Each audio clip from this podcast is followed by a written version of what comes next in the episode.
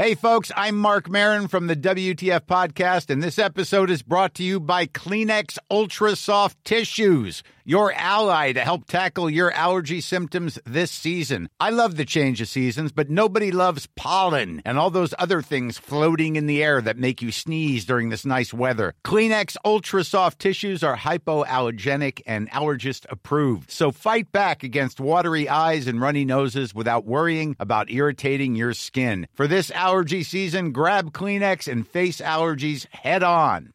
Many of us have those stubborn pounds that seem impossible to lose, no matter how good we eat or how hard we work out. My solution is PlushCare. PlushCare is a leading telehealth provider with doctors who are there for you day and night to partner with you in your weight loss journey. They can prescribe FDA-approved weight loss medications like Wagovi and Zepbound for those who qualify. Plus, they accept most insurance plans. To get started, visit plushcare.com slash weight loss. That's plushcare.com slash weight loss. Planning for your next trip? Elevate your travel style with Quince. Quince has all the jet-setting essentials you'll want for your next getaway, like European linen, premium luggage options, buttery soft Italian leather bags, and so much more. And it's all priced at 50 to 80% less than similar brands. Plus, Quince only works with factories that use safe and ethical manufacturing practices. Pack your bags with high-quality essentials you'll be wearing for vacations to come with Quince. Go to quince.com slash trip for free shipping and 365-day returns.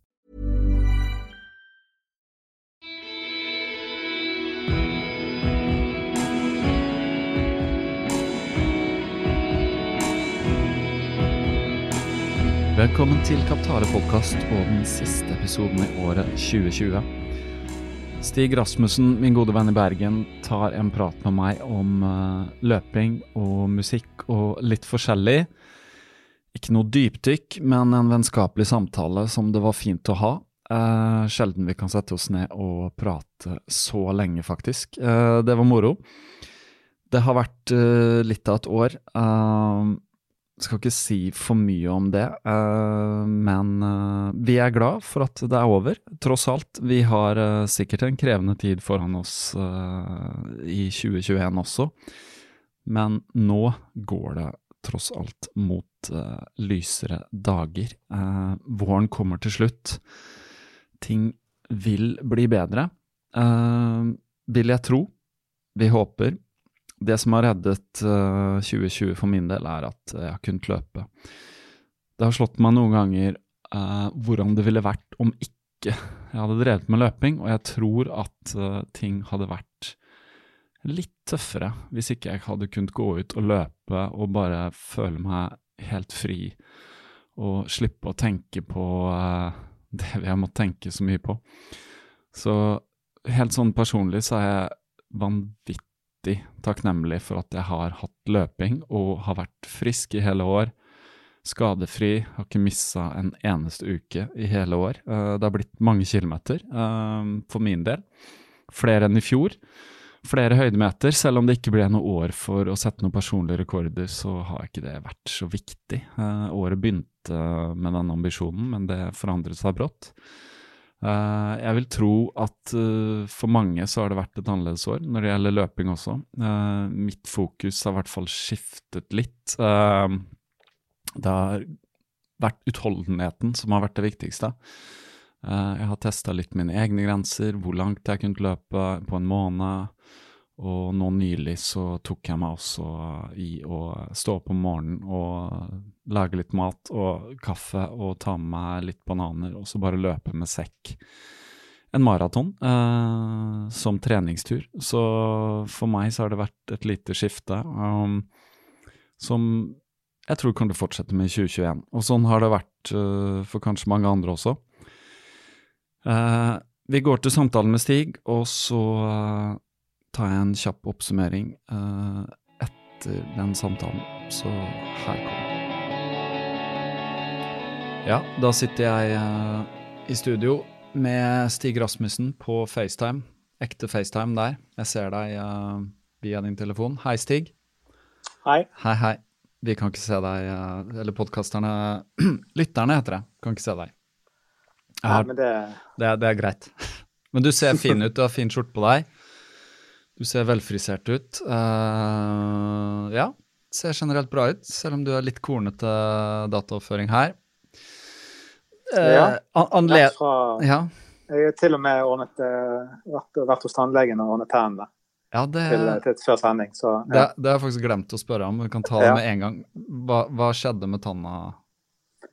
Uh, nei, det var en Nei, jeg det, det var en tann som måtte fikses på, som knakk litt. Og eh, det er ikke så kjekt å gå inn i jul med mye eting av ting og tang eh, med en eh, halv tann. Så jeg fikk, eh, tok meg sammen og bare ringte. For jeg hadde akkurat eh, Tannlegen min har pensjonert seg, så, han, eh, så har, hadde, ha- det gjorde han i sommer. Så jeg måtte finne en ny tannlege. opp Ja. Og, ja. eh, så da måtte jeg bare ta noen, eh, bare ringe en tannlege, og de hadde ledig tid. Og jeg måtte bare OK, jeg, må, jeg har ikke tannlegeskrekk, men eh, det er jo en av de tingene jeg minst har lyst til å gjøre tror jeg, i livet. Sånn, Å gå til tannlegen er ikke, ikke gøy. Så ja. Men litt, fatt, litt fattigere og eh, med bedre samvittighet kan vi eh, Hva, gå inn i julen. kan jeg spørre, var det en jeksel?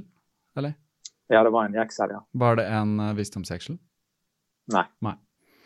Det var det ikke. Var det en tann som sto inntil en visdomsjeksel som er trukket? Grunnen til jeg spør at det, dette skjedde med meg. Jeg trakk en visdomsjeksel en gang, og så uh, litt etter, og så var det voldsom herring med den. Og så en stund etterpå gikk det et lite skår av en tann som jeg lot være. Den ved siden av. Og så eh, ganske mange år etterpå så gikk det en til, og da ble jeg helt tvunget til å gå til tannlegen. Så jeg, han har, min tannlege har fiksa bygd opp en sånn tann igjen uten å holde på med sånne kroner og sånn, og det funka veldig bra. Men så akkurat når du nevner det med ikke skåre en tann, jeg satt uh, Det er bare to uker siden så var jeg borte hos uh, min svoger og svigerinne, og vi lagde middag. Og så hadde de fått en ny sånn morter, sånn skikkelig sånn svær en i stein, og så drev jeg faktisk lagde guacamole i den, da, så var jeg litt sånn der mos av den og ja, eh, hvitløk og sånn. Og så når vi spiser da, denne quesadillaen eller denne og den maten der, så bare tygger jeg på en sånn antagelig en liten stein som hadde løsna fra den. Men med fortanna! Fortanna, ikke de to største, men den ved siden av. Så det gikk et bitte lite skår av tuppen av den ene fortanna mi, for jeg tygde rett og slett på en stein.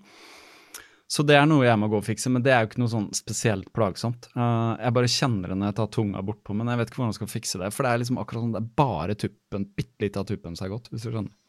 Ja, nei, du får, eh, jeg følte jeg var med i en sånn eh, tidsreise. For jeg gikk jo fra en tannlege som da pensjonerte seg som en old Mm. school, med sånn type sender innkalling i posten Mhm. med frimerke fram til, til og med i år. Ja. Eh, alt annet ble litt for vanskelig. Til sånn her eh, tannlege der alt var hadde de lagd sånn 3D-modell av, eh, av hele gapet og vise alt ned til minste detalj. og ja, Ja. eh, Sikkert et godt sånn salgsverktøy for å vise alt eh, Ja.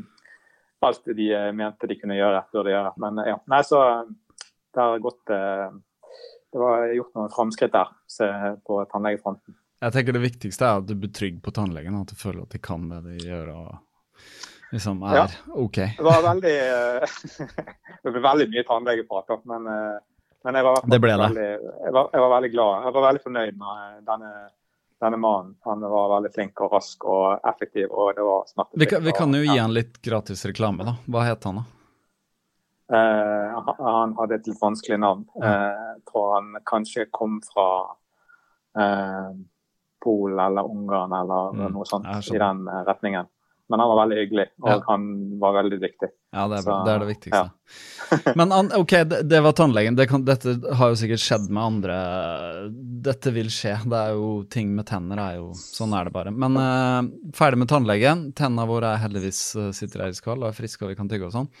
Litt anledningen til at vi lager podkast i dag, det er jo eh, Ja, det er slutten av et år, da. Så det er greit. Men det er Mandag den en, en, Når vi spiller inn det her, så er det mandag den 21. desember uh, år eh, 2020. Det er uh, årets mørkeste. Fordi i dag så snur solen, som vi sier uh, i, i gåseøynene. da. Snur solen. Den gjør jo ikke det. Solen er der. Eh, det er vel vi som snur. Jorden snur. Det som egentlig skjer, er litt vanskelig å forklare uten å vise modell av det, men det er jo at eh, jorden tipper jo noen grader på aksen, sånn at eh, Nord- og Sydpolen står jo ikke på en måte eh, parallelt med solas nord-syd-akse. Sånn at vi tipper litt mot solen. Eh, og det vil si at halve året så tipper vi bort mer og mer og mer og mer til vi er på ytterste, og så snur den seg tilbake. Skjønner du hva jeg mener når jeg sier dette? Kjenner du til liksom fenomenet som gjør dette? Det vil si at på sommeren så lyser solen over Nordpolen og treffer eh, de nordligste delene av f.eks. Norge, da, Lofoten, sånn at man får midnattssol. Mens det er motsatt på, på ja, jeg kan, Kanskje jeg kan prøve å legge en sånn datamodell til dette i podkastnotatene, men uansett. jeg syns det er veldig fascinerende, alle, alle sånne ting, da, sånne planetære fenomener og sånn. Men når vi snakker om dette, så kom jeg på at leste du at uh, vi har et sånn Betlehem-stjernefenomen i dag også? Første gang på 800 år, så du det i nyhetene? Jeg hørte det på uh på radioen, men jeg var ikke klar over at det var hva kalte det, Betlehemsstjernefenomen. Ja, de, ja, de men jeg, gjør, men jeg gjør, fikk med ja. meg hva det var, da. Ja. Men jeg vet ikke om jeg kan begge planetene. Men at det er to, eh, to planeter, Pluto og en til, som står Ikke eh, Pluto, ikke Pluto, nei, garantert. Den er for langt unna, for liten. Nei, for, Jeg, for jeg at, tror det eh, var uh, kanskje Venus og uh, en annen, Saturn, uh, Neptun, jeg husker ikke. Men en, altså to planeter som står såpass nært at de blir til sammen veldig lysende. da. Det vil si at de står på linje sett fra oss, da, for de står jo egentlig ikke på linje. Men hvis man klarer å visualisere seg hele solsystemet akkurat nå, så kan man tenke at fra der vi betrakter, så ser vi begge to planetene. De overlapper hverandre. Så ergo blir de lysere. Nei, det er noen som mener at dette kan ha vært Betlehemstjerna for 2000 år siden. Uh, flere teorier på det kan ha vært en supernova også. Altså en stjerne som eksploderer og lyser ekstra kraftig de siste to-tre to, ukene av sitt liv. Altså. Men eh, det dumme er at jeg tror ikke man får sett det fordi den er for nært eh, horisonten. Men i dag har vi jo faktisk hatt eh, litt opplett. eh, ikke så mye skyer. Jeg har sett solen for første gang i dag. Det har kanskje du òg, på mange uker. Du er i Bergen, jeg er i Oslo. Jeg har ikke sett sol. eh, Det har vært regn. Jeg har vært ute her, så det Du har ikke sett solen i dag? Nei, den returnerte til Oslo i dag, skjønner du, så det var sånn halleluja-stemning her. Men eh, litt tilbake Dette kan bli bare advare med en gang. Dette kan bli en podkast med avsporinger. For det er litt det det er. Eh, litt av anledningen er årets eh, slutt. Nå kommer jo selvfølgelig denne podkasten antagelig i romjulen, men eh, det er liksom slutt på året. Og du og jeg har hatt litt tradisjon, det tror jeg vi snakka om i fjor også, for det er sikkert et år siden vi spilte en annen podkast hvor jeg var på Gran Canaria og hadde løpt Malaga maraton og var og besøkte min søster etter det. Da snakka vi kanskje om det at vi pleide før, når vi var to single unge menn, unge menn, unge menn, å samles den 21. og drikke litt øl og feire at rett og slett nå snur det. Eh, så vi kan si at dette er litt sånn feiring av at det snur igjen. eh, men på en litt annen måte. Jeg drikker uh, soppte, og du drikker eh, Hva drikker du? Nei, jeg hadde en, eh, en, eh, en øl, eh, en alkoholfri sådan, stående i, på kontoret der jeg sitter nå, som så fint heter 'Drinking in the Sun'. Mikeller sin eh, alkoholfrie variant. Så jeg passet, mm. syns det passer til, til anledningen, eh, siden ja, vi går mot lysere tider. Ja. Mm. Det kunne vært, Vi snakka om å ha noe annet i glasset, men det ble nå ikke sånn akkurat nå. Eh, men i hvert fall, vi, kan prate litt om året, Stig. Eh, og så um, får vi se hvor det bærer. Dette er litt sånn, kall det en liten sånn bonusepisode på tampen av året. Vært et litt spesielt år. eh, litt færre episoder på denne påkassen, denne sesongen. Så jeg får gjort noe mer med det. Når jeg sitter her nå, så kan jeg faktisk si at siden eh, på vårparten så har jeg ikke spilt inn en eneste episode i studio her, faktisk. Um, det har vært eh, andre steder eller over um, nettet, da. Over telefon. Men litt sånn uh, løping, hva slags år har det vært? Det har jo vært et uh, år uten uh, masse konkurranser, men det har skjedd bra ting allikevel. Norge som løpernasjon har markert seg. Husker du i farten hva de store prestasjonene er? Var? Eh, ja, altså Vi har jo eh, vi har jo hatt noen vi har jo noen som er veldig flinke til å løpe på bane. Så vi har jo, da har det vel vært noen eh, sterke tider. Han godeste Jakob Ingebrigtsen brøt vel denne 330-barrieren på 1500. Og så Mm. har vi har vi Karsten Warholm som Han satte vel en verdensrekord på en eller annen sånn ut, litt utradisjonell eh, 300 meter. 300 meter. Ja, men han var vel veldig nær å ta eh, verdensrekorden på 400 meter hekk. Eh, Mm. Og så eh, har jo det vært eh, hadde vi vært på slutten av året her noen sånn eh, hun eh, godeste hun 800-meterløperen her der inne som satt årsbest, årsbest i verden på 800 meter. Så det Mm. har jo vært eh, eh, bra på de korte korte distansene der det Ja. har vært noen stevner som ble gjennomført. I tillegg til NM eh, i Bergen, eh, som gikk vel i, i september. Men eh, det har jo vært sånn friidrett. Uh, friidrett, tenker jeg. Eh, jeg kommer ikke på noe sånt uh, voldsomt ekstra på, på friidretten, hvis ikke du har noe Nei, ikke noe Det er sikkert mange som kunne nevne seg sånn. Jeg har ikke så god oversikt. Jeg hadde oversikt over det du sa der. Ja.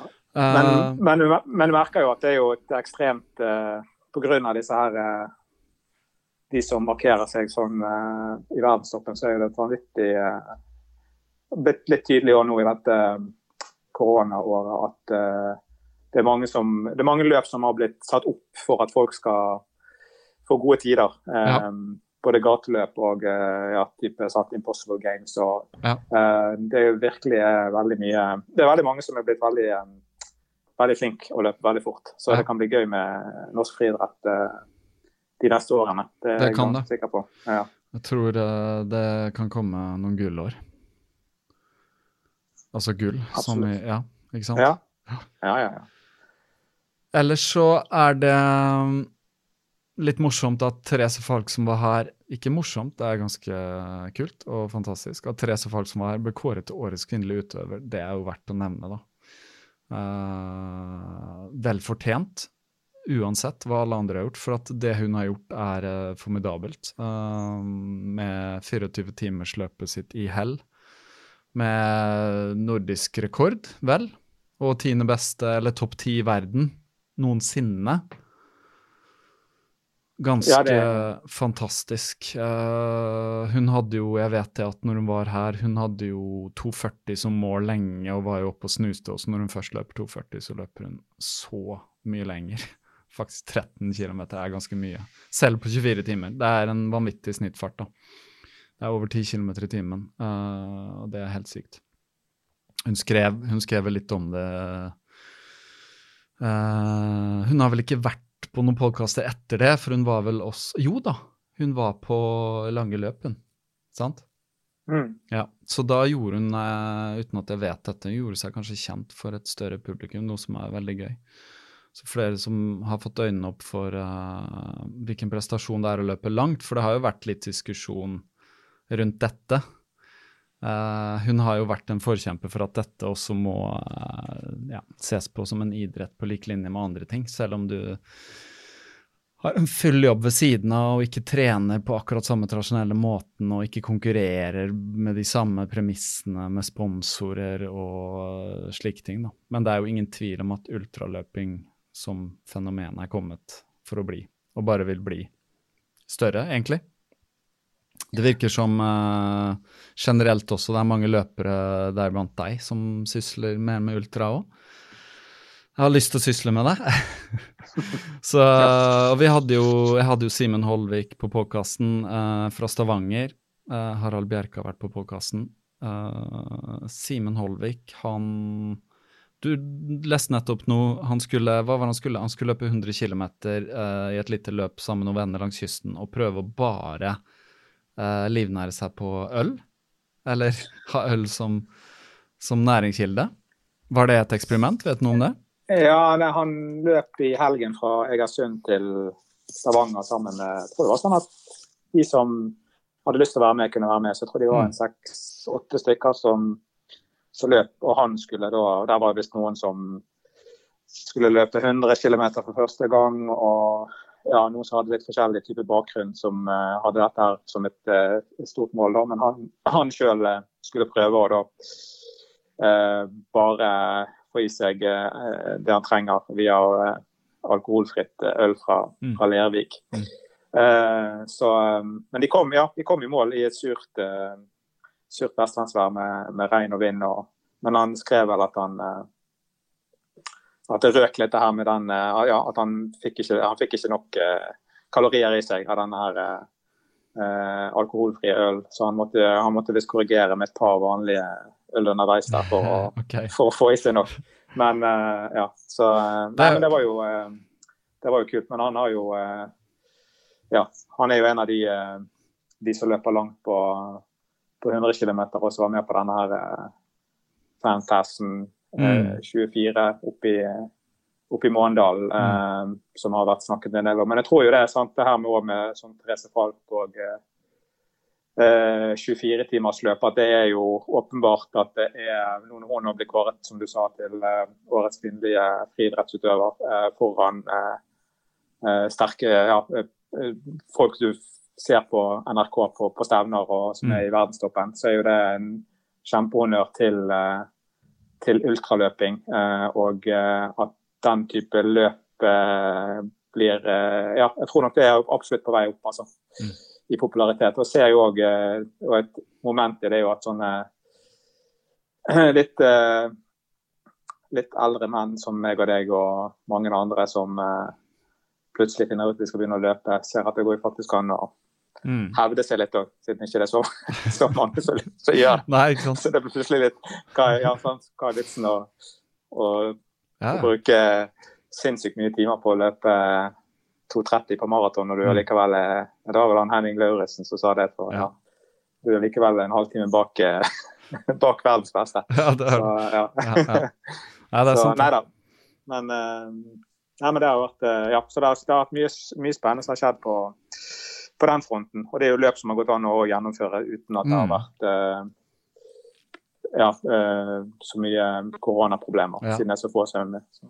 Ja, det virker, virker, jo som 24 timer når han uh, uh, Kilian Jornet gjør det. Uh, og får mye oppmerksomhet fordi han er kjent, så er det jo litt sånn internasjonalt. Kanskje mange som har sett mye ultraløp over fjell og sånne ting, som ikke har tenkt så mye på det banefenomenet, da. For det er jo litt sært på et vis å løpe på bane uh, i 24 timer. Men mm. det er jo uh, det er greit, det var en 400-meter-bane. Det Therese Falco de gjorde i, i hell, var vel en 1000-meter-sløyfe. Men uansett, at man løper en sånn sløyfe rundt og rundt og rundt veldig mange ganger, så er liksom 400-meter-banen det mest ekstreme, for det er jo ingenting annet å forholde seg til enn bare runden. Så bare det blir en sånn Ja. Uh, det, det, blir helt vanvittig, egentlig. Uh, men det, det virker jo som Jeg så det var mye sånn kommentarer underveis i det løpet, og jeg ser folk som har kommentert på han Harald Bjerke sin etterpå, som virker som de har for første gang sett at noen løper 24 timer på en bane, da, og bare syns det er helt sånn wow, liksom. Hva er egentlig verdensrekorden her, og hva er, gjør folk dette? Og, ikke sant? Jeg er helt sånn overraska over at det er mulig. Mm. ikke sant? Så, men kommer til, vi kommer til å se mer av sånne ting. Uh, nye ting, da. Folk finner på nye ting. Og det er litt sånn som han Simen Holvik, han finner på nye ting, da.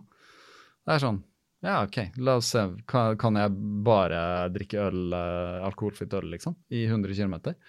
Det er så akkurat som du og jeg en eller annen gang var sånn Kan vi løpe Hvor langt kan vi, kan vi løpe 30 km?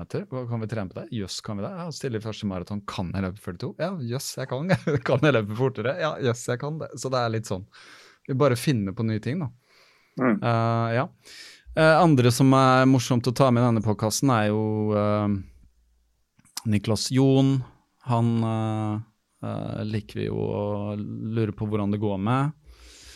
Har du Jeg så Sondre løp mye med han i Bergen mens han trente, det kan vi jo nevne. Sondre Leikes har vært på podkasten, kompis av meg.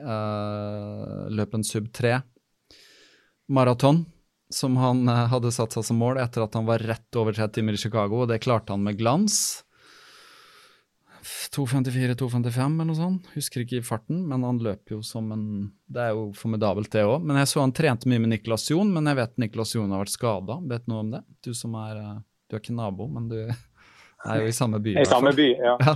ja da, nei, han, er, han, har vært, han har slitt med et, eh, et, kne, han, i hele mm. år. Men nå ser det ut som han er på nå, ja, så han er på vei til, tilbake, og at han, ja. kan, eh, at han får en sesong i 2021. Så det blir eh, krysser fingrene for at det skal gå bra, Nicolas. Det, det er gøy å, gøy å, se han i aksjon. Så. Ja, det er det. Vi, mm. vi håper det. Uh, Marius Vevik er jo sånn nesten Han er født i Ani, men han bor i Bergen. Han har uh, gjort det bra i år? Ja, han har, uh, han, har han, han, har vel Sånn som jeg har skjønt det, så jeg, jeg leser, sitter ikke og leser resultatlister, men han, han har hatt et han fikk vel ikke medalje på Det var jo NM i Bergen. Det var ja. mange som hadde det som et, som et mål. og Det ble utsatt. Sant? Først skulle det være, være i i juni, og så ble det utsatt til september. Eh, mm. Så han fikk, men der er jo blitt et veldig, veldig sterke felt på, på, på, eh, på 5000 og 10 000 mm. på, på, NM. Så, mm. Men jeg så at han, han har i hvert fall han har trent, eh, han har trent godt, og, men nå ser jeg han er på Strava i siget på, mot, og gode, satser bra mot, mot neste år. og mm. så han har en sånn legendarisk trener i Gular, eh, Arne Risa, som har gitt seg. Som har trent, jeg tror Nicolas har vært trent av han. Ja. Men han har gitt seg. Så nå er det Gular har jo et sånt hus her i, i Sandviken der det bor mange, eh, er det flere Gularløpere som bor da, på, sammen. Så løper de derfra og trener sammen i, i Fjellveien og på, på, Skansen i Bergen. Så mm. Eh, det virker som det er et veldig bra miljø. og Hvis du ser på, på resultatlistene og på, de, på mange av de, altså på topplistene på tider, så er det vel Gular og Sandnes IL som er mm. tungt representert eh, mm. på, de, på, de, frontene. Så det blir spennende å se til, til neste år han, om, han, eh, om, det blir, eh, om han kan ta enda et steg. Men det er ja. tøft å komme inn blant disse her disse guttene som trener sammen med, med Ingebrigtsen og han Narvi, Narvi Gilje og ja. Svela og disse her. Ja, så mm. høyt, høyt nivå uten tvil at de Ingebrigtsen-gutta har uh, tatt Ja, drar med seg på en måte mange, da. Mm. Uh, for din egen del, da. Hvordan, uh, hvordan, har det vært for deg i år? Som løpeår? Nei, så var jeg, jeg, jeg har løpt litt løp, da. fordi at jeg Vi har en sånn Bergen løpeklubb har en sånn noe som de kaller maratonkarusell. Der mm. det er seks løp gjennom året, så du mm. kan melde det på. Og, eh, så der, Jeg var påmeldt den karusellen fra, fra, fra, løp to i, i, februar. Men så mm. ble jo så jeg løp, jeg fikk i hvert fall, ja, Gjennom det så har jeg fått løpt de løpene som har vært arrangert. Da. Så jeg har fått løpt tre, eller ja, to, to asfaltmaraton og ett skogsmaraton. Mm. Og uh, så skulle jeg løpe den Det var jo NM på 100 km som skulle gått i mars. Den ble jo utsatt og skulle egentlig nå Eh, avvikles eh, i eh, midten av desember. Men det da ble avlyst i siste stund, for det ble jo tightere koronarestriksjoner her i Bergen. Så, mm. så, da hadde jeg faktisk tenkt å løpe den, den 100 km. Hvor mange var påmeldt, vet du? Nei, men jeg trodde, nei, jeg, ikke, jeg så ikke noe så på listen. Men det var, nei, jeg bare tenkte siden avlysten, eller ja. ja, men jeg syns det var flere som var påmeldt nå på høsten. fordi at, mm. uh, også, men først, Det første som skjedde, var at han mistet NM-status. fordi at ja. de Friidrettsforbundet ville ikke arrangere et løp der folk skulle begynne å altså ville ikke oppfordre folk til å drive og reise. Da. Men så ville de allikevel arrangere den for, uh, for de som er her i, i mm. byen og uten mm. NM-statusen. Nei, så, så, det hadde jo vært gøy å prøve på det. Men jeg ser jo det er jo litt vittig, for det er jo altså, rundt eh, eh, altså, Folk har vært kreative. Sånn, altså, det har vært mange løp som har vært satt opp. Mm. Men så er det òg dette her med at det er flere sånne backyard-løp som er blitt òg eh, altså mer eller mindre offisielle løp som er blitt arrangert av folk i mindre grupper. da, Som har poppet opp eh, både her og der. Men òg nå i forbindelse med NM så var det noen som løp den eh, NM, eh, NM-traseen. For den er jo kontrollmålt, og folk vet jo For den, den 100 km skulle gå i samme løypen som maraton. Ja. maratonløypen i maratonkarusell går i. Og da, så det var noen som løp solo for seg sjøl. 100 km. Ja da. Så det, det ble selvfølgelig helt uoffisielt. Men, ja, ja. Det var, men de gjorde det allikevel? Ja. ja, det er noen som har gjort det. Så, ja. Hvordan var det for din ja. Du, du, trente mot dette, ikke sant? Du trente mot 100 km? Altså Ja, jeg trente. Had... Det var noe ja. i uh, Altså, jeg løp og rett, en rett styrkeprøven rett vest, som er fra et sånt fjelløp eh, som jeg har snakket om før her på mm. podkasten, som begynner på, på Gullbotn og så ender i Kjøkkelvik over uh, åtte fjell. Det er mm. vel mellom 45 og 50 km. Uh, så den løp jeg i slutten av august. Og så hadde jeg vel Og så løp jeg Bergen Maraton i midten av oktober. Det er en del av maratonkarusellen. Så da perset jeg på den, og så på maraton eh, i, i det løpet der. Og så eh, etter det så tenkte jeg at da så økte jeg mengden for å løpe den 100 km. Mm. Så, eh, så nå er jeg egentlig eh, stinn i trening uten å, uten å løpe. Uten forløsning.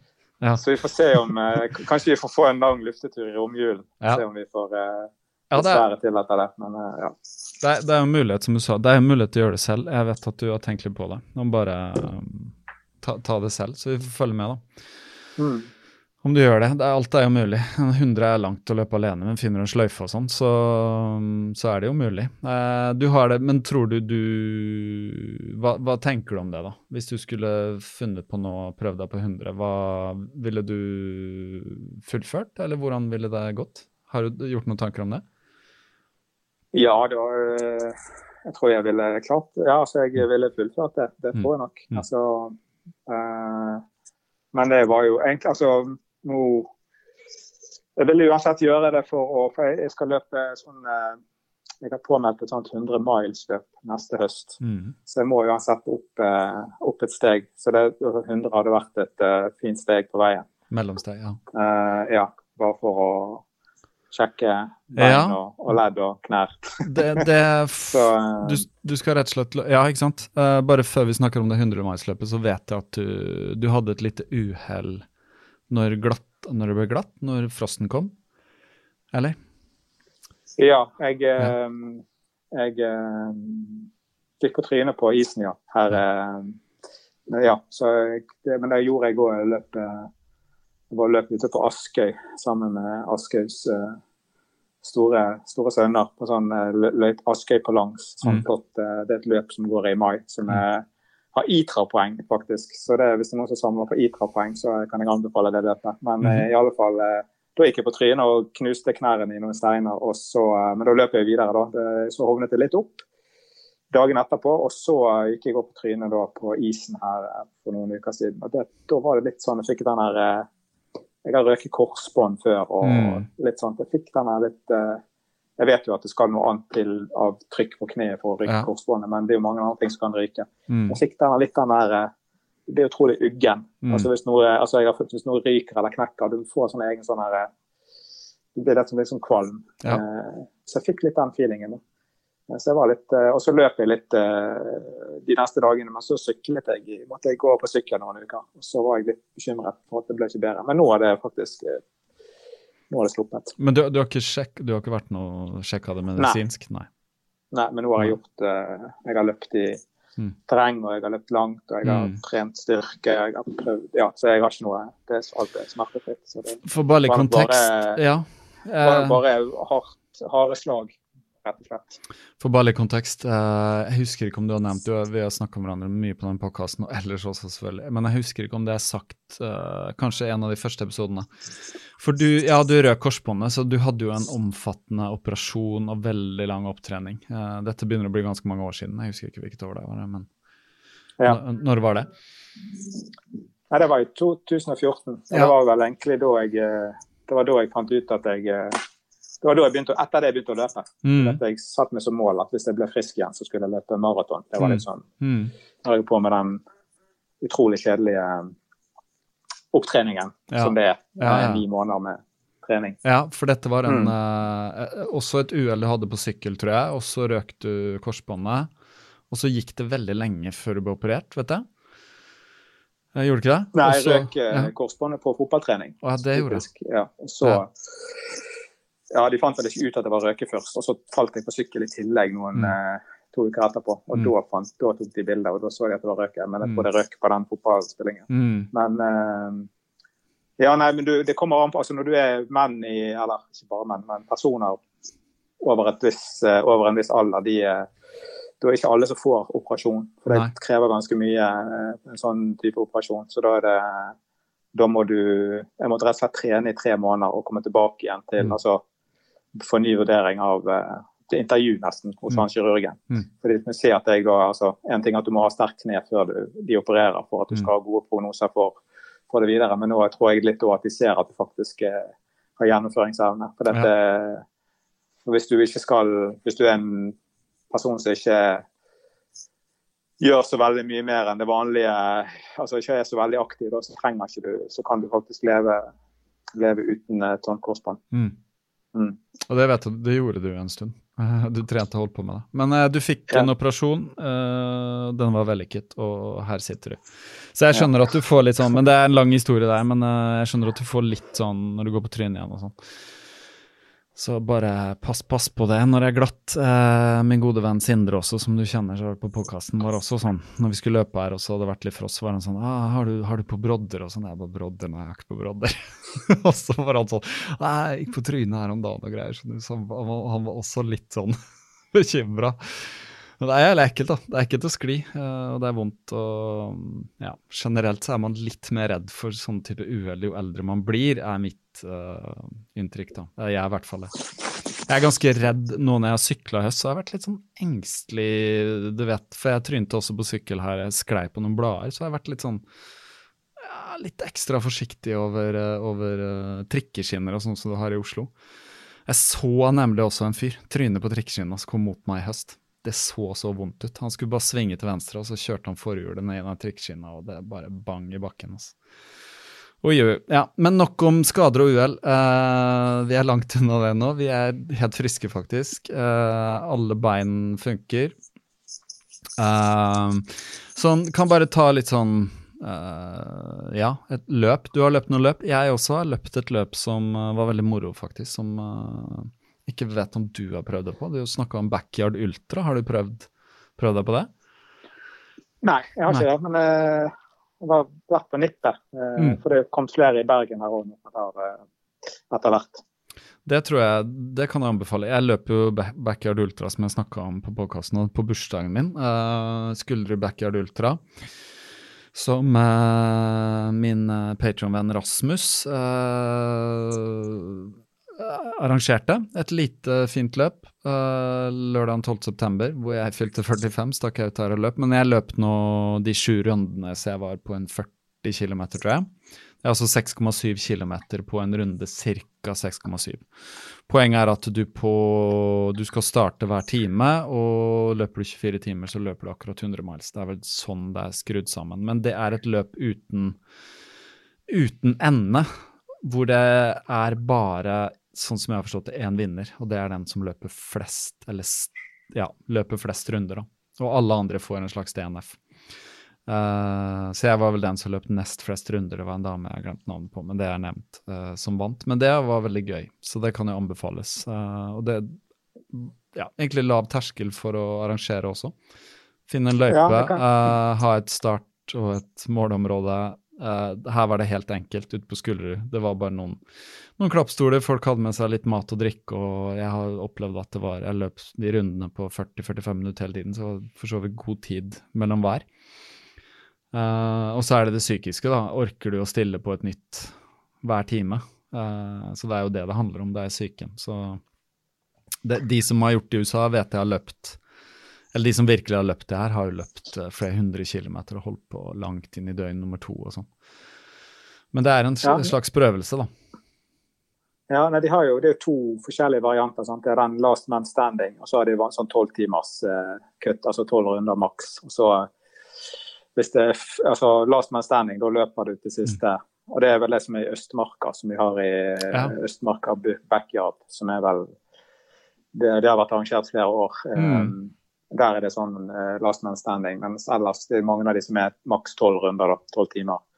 Og så er det sånn at de kan det, kan, det er to vinnere, den med best tid på siste runden eller og den som har best totaltid. Så du Mm. kan velge strategi og prøve å løpe raskt hele veien og bli den som har best totaltid, Mm. eller å være den som vinner på siste runden. Mm. Men eh, bare apropos det, så kan jo bare de her eh, Jeg så jeg har noen sånne løpevenner her i, i Bergen, og en, eh, der var det noen nå som hadde De tror de hadde vet som de hadde Ja, de mener for en, en av de eh, en backyard-runde som er Oppstolsen. -hmm. Stolsekleiven i Bergen, som allerede blir er verdens bratteste motløp. Eh, den hadde de da inne i denne backyard-løypen. da.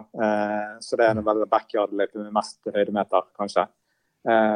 Det er han, en, en kar som heter Jon Bruvoll, og så var det en annen kar som heter Steinar Moen, som har løpt mye, løper mye rett vest, sammen med noen andre. som, eh, som, prøvde på den. og Da løp han eh, godeste Torbjørn Ludvigsen, som er en sånn type motbakkekonge, har vunnet Empire State Building opp trappeløpet der. og har vunnet Stålsekleiven opp veldig mange ganger.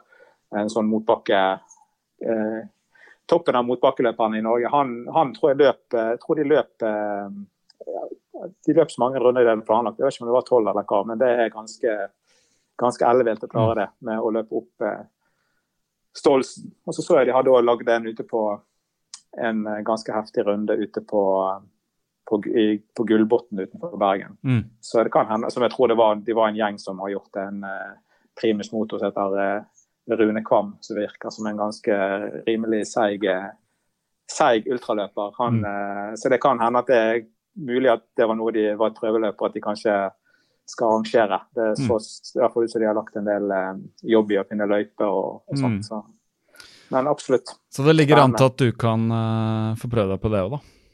Kanskje neste år allerede? Ja, det er jo ikke umulig, det. Nei. Nei, men du, du har i hvert fall det, Ja, jeg har plukka fram litt statistikk fra Strava her. Eh, fram til i dag, da. Eh, bare saksa vi ser på det her nå, deg og meg, eh, på Strava. Uh, det, det, ser i hvert fall ut som du har treningen. Uh, eh, 2020 hittil til og med 21. Du løp i dag tidlig, jeg løp uh, for så vidt i går. du har løpt 4925,9 km i 2020. Er det all time high, eller? I løpet av et år? Ja, det, det må det være. Ja. Klarer du, da er spørsmålet, tikker du over 5000 før før julaften? Ja. Nei, ikke før julaften, før året er omme, tenker jeg. Ja. Ja, ja, Ti dager igjen av året. Ja, det, klarer du. Det klarer du. Det klarer du. Det er syv. Du bare løper en liten tur hver dag. Ja, det klarer du. Uh, Kryss fingra for det. Uh, det som jeg syns er imponerende, er jo, som vi ikke må glemme oppi all denne distansen da, som vi er opptatt av, Elevated, uh, elevation gain, som det vel heter. 112 283 meter. Det må jeg si. Det er ganske mye. Bare ta sammenligning med meg først. da. Jeg har løpt 2589 år. Det er all time high for meg òg. Hadde underkant av 2,4 som mål. Nådde jeg i november. Uh, jeg har hatt 43 327 meter, det er også all time high. Men 112 000 Men hva, hvordan får du så mye høydemeter? Uh, nei, det er vel altså Jeg bor jo Jeg løper jo veldig mye til og fra kontoret, og jeg mm. bor uh, jeg bor litt høyere mm, mm. enn det jeg jobber. Så det blir en del bakker. Det blir en sånn ja. berg-og-dal-bane. Men så løper jeg en god del. Jeg liker best å løpe på alltid best, likt best å løpe på eh, på fjellet. Mm. Så jeg løper jo Vi har jo Byfjell i Bergen, og jeg har et, et av byfjellene er mellom, mellom mitt kontor og mitt, mitt hjem. Mm. Så jeg, det blir av og til noen turer over der òg. Så, så, det kommer egentlig uh, men det, det, blir jo så høyt fordi jeg har løpt så langt. Mm. Og jeg, eh, ja, jeg, har veldig få løpeturer som ikke er eh, altså jeg, jeg, løper, sånn, jeg, løper, alltid hjemmefra. Jeg kjører ikke jeg kjører ikke ned til lavlandet for å løpe flatt. Altså, det må alltid det må bli som det blir. Ja, ja. så, ja. så det blir alltid en eh, Hver, hver tur har, en, eh, har litt meter. Jeg regna på det her, og 112 283 meter er ca. 12,7 ganger opp og ned. Eller opp Mount Everest, da, som det blir. Uh, for min egen del, når jeg hadde tatt årets uh, mål og alt, så prøvde jeg meg på 300 på en måned. Det klarte jeg for en måned, akkurat. Uh, eh, 300 på en måned. 300,7. Jeg husker jo så langt tilbake at jeg så deg når du første gang begynte å løpe over 300 på en måned, så tenkte jeg hvordan er det mulig, liksom? Det var da jeg sleit med å nå 200 på en måned, da. Men så plutselig er man der da, etter noen år, eh, og det var ikke så altså Da, da løp jeg bare, da. Det var ikke noe mye harde økter og sånn, men det er faktisk mulig. Ti snitt per, uh, per dag. Uh, så når alle mål er nådd, så ser jeg at per dags dato så er jeg 913 meter igjen til jeg har uh, besteget Everest fem ganger, da. Så det får være et mål for meg å få 913 høydemeter i år til. Ut, ja, ut, ja. Ja, men det, det, du klarer jo det. Ja, hvis jeg bare fortsetter å løpe. Så jeg også velger jo uh, ruter med litt høydemeter. Jeg løper Når jeg løper hjemmefra, så er det ikke så spennende som deg, men det er i hvert fall Jeg løper opp og rundt Ekeberg veldig mye, fordi jeg liker også bakker. Jeg liker å løpe, løpe oppover. Jeg trenger ikke løpe så fort, men jeg merker jeg får mye god trening av det. Litt gratis, så opp til Ekeberg kan jeg også velge masse forskjellige bakker, da. Så jeg tar de alt ettersom hvor bratt jeg har lyst til å ha det. Så Ja. eh, kan man få litt uh, puls der, rett og slett. Uh, så er det masse forskjellige segmenter man kan plutselig prøve seg på og sånt. Så jeg får rundt 200 meter på veldig mange av de turene. Mm. Men eh, det, er, det er i hvert fall statistikk for i år, og så har jo, så da vet jo, så er de fleste ligger litt sånn uh, mellom det kanskje, eller over og under. Uh, det er det som er liksom gøy med Strava, da. At man kan liksom plukke ut sånn tall og ha det som mål og klare ditten og datten og sånn. Jeg er såpass barnslig, føler jeg, at det, er litt sånn morsomt, syns jeg. Selv om man sier sånn nei, det kule er å holde det ekte og ikke logge en dritt på Strava og ikke løpe med klokka og ingenting, så Ja, OK, det er greit det òg, men jeg liker faktisk at det er liksom Er det logga, så, så kan jeg tolke det etterpå. Men jeg må si, det jeg slutta med, Stig, jeg slutta å løpe med pulsbelte. Nå løper jeg nesten aldri med pulsbelte hvis ikke jeg skal faktisk løpe intervaller. Da. Så det er ikke så viktig å ta på seg det pulsbeltet lenger. Det er mye Det som har skjedd med mange om løping, man kjenner kroppen sin veldig godt. Man kjenner med en gang hvilken belastning man er på. Man kjenner pusten sin, og man kjenner liksom på det hele. Uh, litt sånn fart og Ja. Det er ikke så viktig med den pulsen. Jeg ser Hver gang jeg løper intervaller, så er det litt sånn Den gir meg ikke noe Jeg ser at når jeg er på terskel, så kjenner jeg jo det også i kroppen. Altså, jeg kjenner det på musklene, på et vis. Så så viktig er det ikke. Jeg vet ikke hvordan du forholder deg til det med pulset. Nei, jeg, har hatt litt, jeg løp eh, aldri med pulsbelte, og så begynte jeg det en periode. Og så eh, har ikke jeg løpt med det på lenge. Og så gjorde jeg det litt nå når jeg begynte å Altså jeg har løpt, prøvd å være litt mer systematisk med og prøvd å, å ha litt eh, Altså i år eh, Mm. har økt eh, eh, systematikken litt. Grann, og da prøvd i hvert fall i noen perioder for å Mm. prøve å ta noen steg på, på maratontiden. Mm. Og da er det greit å vite litt hva du, hva du gjør på med puls. Men eh, jeg har hatt problemer med de pulsbeltene som jeg har, eh, som jeg egentlig ikke har eh, Der de har datt litt ut eh, inn i øktene. Og så har det blitt en sånn forstyrrende element når jeg ser at så blir jeg, ja, altså, jeg fant ut at det er bedre å kanskje ikke vite det, og så heller eh, Mm. være i, i økten. Um, og så har jeg, også, sant? jeg har jo en sånn uh, flott klokke som har sånn håndleddspuls. Mm. Uh, og, eh, men den nå er ikke helt Altså den kan være litt sånn sånn retningsgivende, men jeg stoler, jeg stoler jo ikke på den. Jeg kan se, altså jeg, jeg ser når jeg stoler på den, og så ser jeg også, som jeg var og løpte i går. jeg var og løpte en tur, og da hadde jeg tenkt ja, hvis denne pulsen hadde stemt, så hadde jeg da hadde sykebiler stått nede i, Mm. i gaten her Var det høyt? høyt, høyt Ja, ja, ja. Han lå jo langt. Han lå jo på Jeg løp jo på maks. Altså, han var jo oppunder makspulsen. Altså, Ja, var langt, altså, når det gikk rolig. Rolig. Ja. Veldig rolig. Så, nei, så det er litt sånn eh, Men jeg tror, jeg tror at det, jeg tror det er altfor mange som er altfor opptatt av det i, eh, eh, i altfor stor del av treningen sin. Mm. Eh, men så at de kanskje heller kunne altså, bruke det når det er Hvis du har noen eh, enkelte økter for å sjekke. Mm. Eh, men det trenger jo ikke være veldig ofte. Nei, det trenger ikke være ofte. Så, ja. Jeg, jeg tenker at det, det, som jeg, det som jeg tenker er greit, er å bare heller få litt følelse med fart, og så kan man godt løpe intervaller på enten Hvis man løper på bane, så er det veldig målbart, eller løpe runder. Uh, det jeg blir tvunget til da, for å være tidseffektiv, at jeg blir tvunget til å løpe intervaller der hvor det egentlig er greiest i nærheten av meg, og det er i Tøyenparken. Men Tøyenparken er ikke flat. Uh, den går opp og ned. Men da har jeg liksom to ruter. da. Den ene er cirka litt under engelskmil, og den andre er akkurat to kilometer. Så da vet jeg jo på en måte på rundetiden hvilken fart jeg holder.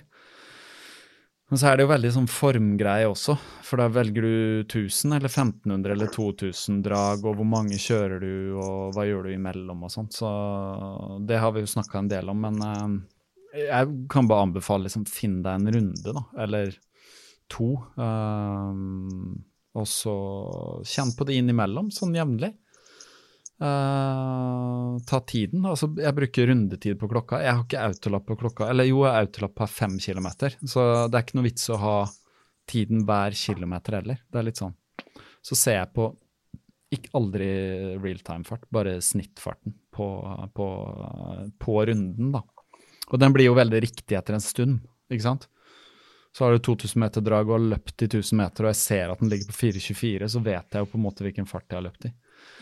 Så det er liksom det, det som er litt sånn Ja, det er min metode. Så er det mange metoder, da. Men jeg opplever at de pulsbeltene akkurat samme, de viser feil. Sist gang jeg hadde mitt på meg, så var jeg oppe i akkurat samme som. Jeg var langt over terskel og bare løp helt rolig, så jeg har prøvd å vaske det òg, men jeg tror det er slitasje rett og slett det som gjør at det er dårlig nå. Jeg byttet uh, Jeg byttet faktisk over uh, uh, Jeg har Garmin Garmin-pulsbelter, og så har jeg òg et sånt her eh, fra de her eh, Wahoo for å sånn sykkelrulle. Mm. Og de, så byttet den byttet faktisk på over den Wahoo uh, selve dingsen over på mm. beltet. Garmin-beltet. Og det var, da funket det plutselig bedre.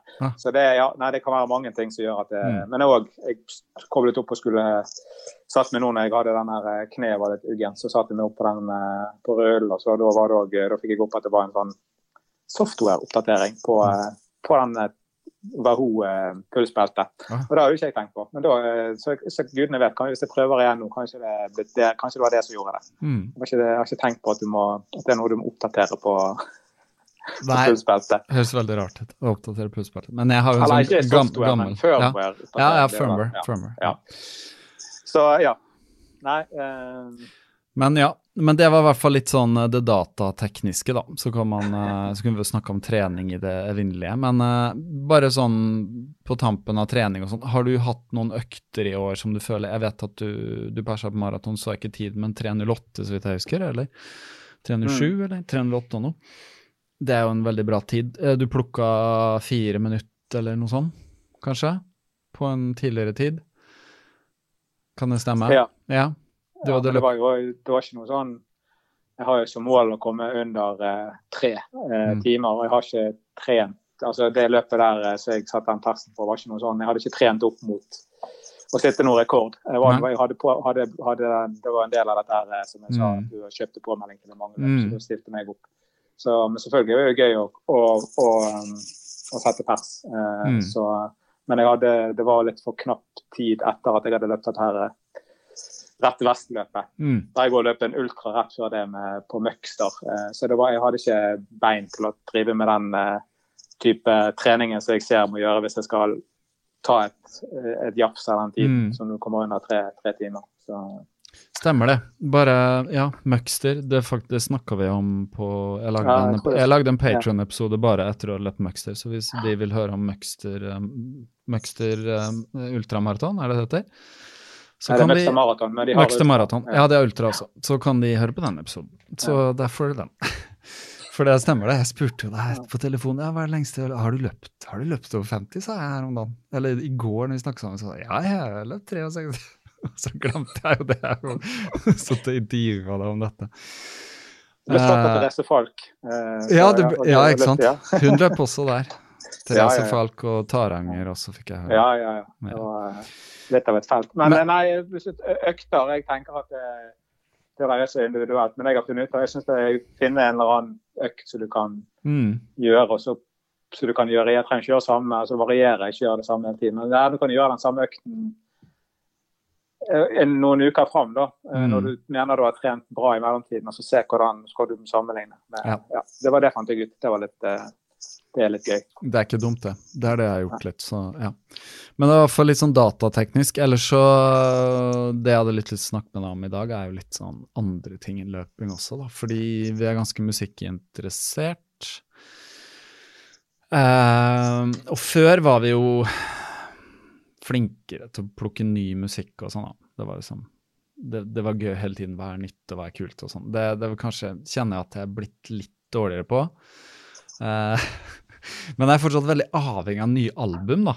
Sånn, å, jeg trenger noe nytt. Du vet, Når du blir hekta på en plate, og så hører på den på nytt og på nytt, og gjerne i headset når du er ute, og også liksom hjemme og sånn. Så jeg tenkte årets plate eh, kunne vært kult å nevnt for de av lytterne som er musikkinteressert. Eh, hva har vært årets plate for deg, Stig? Årets album? Altså sånn i den store verden, liksom?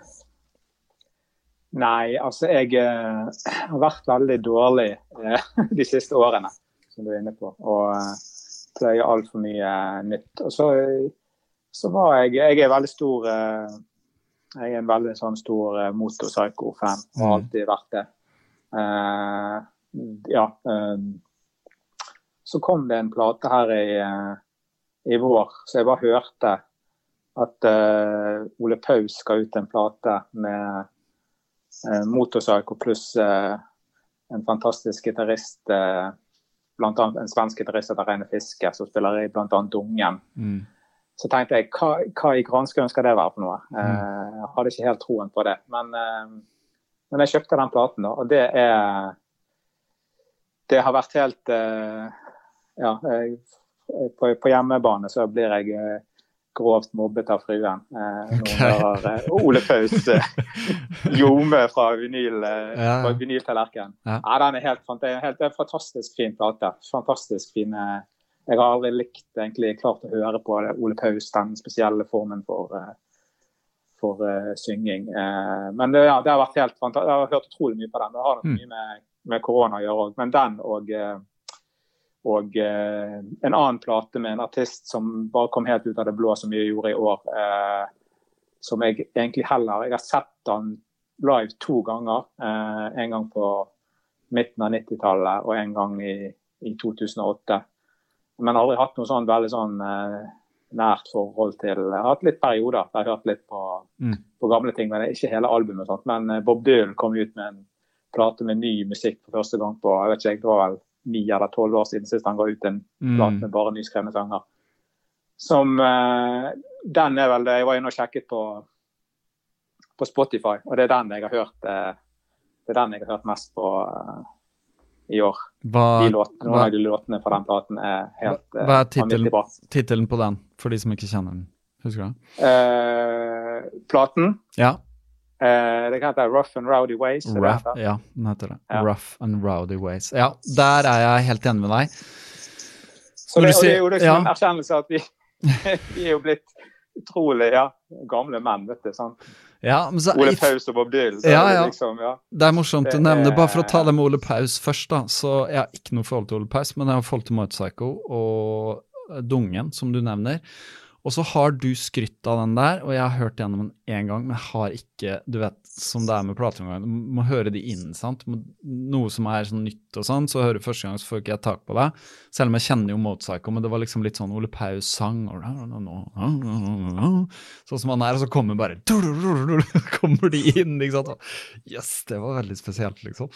Men uh, den skal jeg virkelig Og så skal vi linke til alt det her. Ideen min er at vi kan lage en Spotify-spilliste og linke til også. Jeg håper det sånn teknisk er mulig. Det kan vi vel. Dele den med verden. Uh, det skal vi få til. Men du fortalte noe litt morsomt når jeg var i Bergen i høst uh, og jobba. Så satte vi oss ned og tok noen øl, faktisk, på ja, et sted der som jeg ikke husker hva jeg heter. Og da fortalte du noe om en historie derfra at Ole Paus dukka opp i studio med Motorpsycho. Og hva var det som skjedde da? Han kom, og så var det sånn uh, Ja, liksom, nå skal vi jamme fram noe greier. Var ikke det han som var hans plan? Og så var de litt sånn Hæ? Har du ikke liksom skrevet musikken? Er du ikke klar liksom til å spille inn? Var ikke det, Du fortalte noe et eller annet der, kan du huske det? Nei, Nei, ok. Det var du drømt, Marius. Kanskje- Kanskje noen andre har sagt det. Ja, nei, Ka- Kanskje noen andre som har sagt det? Kanskje, det kan Ja. være også, fordi Nei, jeg bare Ja. hørte da at uh, Ole Paus hadde kommet til liksom, møte de her, også. booka studietid og sånn, og han var litt sånn innstillingen hans var at uh, ja, du skal liksom bare jamme og se hva som skjer og sånn. Men Stiv var sånn forholdt seg til han sånn Nei, altså har du ikke skrevet alt nå, så uh, det går ikke, liksom. Vi er her for å spille inn nå. liksom. Dere bruker ikke masse tid på det her. Han var sånn ah, shit, liksom. Så om, om det hva som skjedde, og de booka ni tid eller ikke, vet jeg ikke. Jeg innbilte meg det var du som hadde fortalt meg anekdoten. Eh, nei, det, det, det har jeg faktisk ikke hørt. Men jeg, kommer, apropos, jeg så eh, faktisk på NRK sendte for dette, denne de Olavfestdagen i Trondheim ble jo samme som med Festspill i Bergen og store eh, kulturarrangementer med statsstøtte. Der fikk jo de avviklet noen planlagte konserter uten publikum. Og da var faktisk eh, Da spilte faktisk eh, uh, Motorpsycho med Reine Fiske og Mm. Ole Paus, hele den platen fra start til slutt med noen strykere i Nidarosdomen. Med tepper på Mm. Så det er noe det, ja, det, var bare Og det var litt sånn det var ja, Siden det var i kirken og sånn at det var sakralt, men det var veldig eh, det var veldig spesielt å se på dynamikken mellom, mellom han eh, gode Sole Paus med, med kassegitar og, og munnspill og eh, motorpsycho med langt hår og slitte gitarer. Så ja. Men det er jo kult at de har gjort noe sammen. Eh, litt sånn gamle menn. Eh, vet ikke hvor gammel Ole Paus er. Motorpsycho er vel kanskje De er liksom begynner å, de har holdt på lenge, altså. Men Bob Dylan, da, om du snakker om gammel mann, han er jo en gammel mann, så vidt jeg vet. 79 år nå. Nærmer seg 60 år som artist. Jeg måtte sjekke. Jeg spilte for min datter. Sånn, første offisielle album kom ut 62. Eh, det er 58 år siden. Det er ganske vilt å tenke på. Så mannen er 79 år, men den plata du snakker om der, Rough and Rudaways, den er helt eh, amazing. Jeg skal legge en anmeldelse til en sånn pulsartikkel som jeg leste, som tar den litt på kornet. Han har liksom en helt Bob Dylan. Alle, alle vet hvem han er, sant? av navn og sånn. Uh, alle har liksom forskjellige forhold til han. Noen tenker bare at han er en gammel visesanger og sånn, men han har jo en uh, katalog som er helt vanvittig. Og masse poker og hva han har gjort og sånn, er jo egentlig helt utrolig. Og så kommer han ut med en plate der, som er det første materialet med ny, altså første plate med nytt materiale, siden 2012. Og virker som han har brukt tiden godt, da. Og det det høres ut som for meg, er jo at på en måte at det er et slags sånn Er dette det siste, liksom? Vi får høre fra han. Uh, han hinter i hvert fall veldig mye Det er veldig mye tekster der som du kan tolke i både en og annen retning, da. uh, om døden og liv og Ja. Men jeg har også hørt en del på den plata i ensomhet, og den er fantastisk. Antagelig ikke for alle. Vet ikke. Du må kanskje ha litt tålmodighet. Men den er fryktelig god, altså. Fra ballader til mer rocka ting, og det er blues, og det er, det er bare helt fantastisk. Og tekstene hans er veldig gode. Og uh, han uh, har noen låter her som virkelig er sånn En av mine favoritter, da. Key West. Uh, men mange som har vært å nevne. I Contain Multitudes, som han begynner med. Hvem container ikke multitudes, men kanskje med Dylan så er det helt spesielt. Så må jeg bare anbefale, da. Det er kanskje ikke noe å høre på mens man løper, det har jeg ikke prøvd ennå. Det er mer den. Jeg har hørt på den en del om jeg har, morgenen. eh, jeg, Ja. hører, jeg, hører, eh, jeg har hørt mest på musikk via Spotify når jeg løper. Og den var jo no, den uh, I Contain Multitudes var jo min mest uh, avspilte låt. Så jeg Mm. trodde jo aldri jeg kom til å like å høre på den når jeg løp. Men det var kanskje det var der jeg fikk altså teksten der. Det er når du er ute og løper og er din Mm. egen Du får- føler gjerne litt med på en annen måte. Jeg vet ikke. Mm, Eh, Så det går absolutt an, det, altså. Men eh, noen er jo avhengig av noe mer up-tempo, kanskje, Ja. eh, enn som så. Men eh, må nesten prøve, prøve seg fram. Må nesten prøve. Uh, årets norske for meg, du nevnte Ole Paus. Årets norske for meg må være Sondre Likes Impatience. Uh, en vanvittig plate som jeg har hørt på ganske mye i år. Uh, jeg fikk den Den kom ut på vårparten eller sommeren. Jeg fikk den som sånn uh, link til Soundcloud allerede i januar.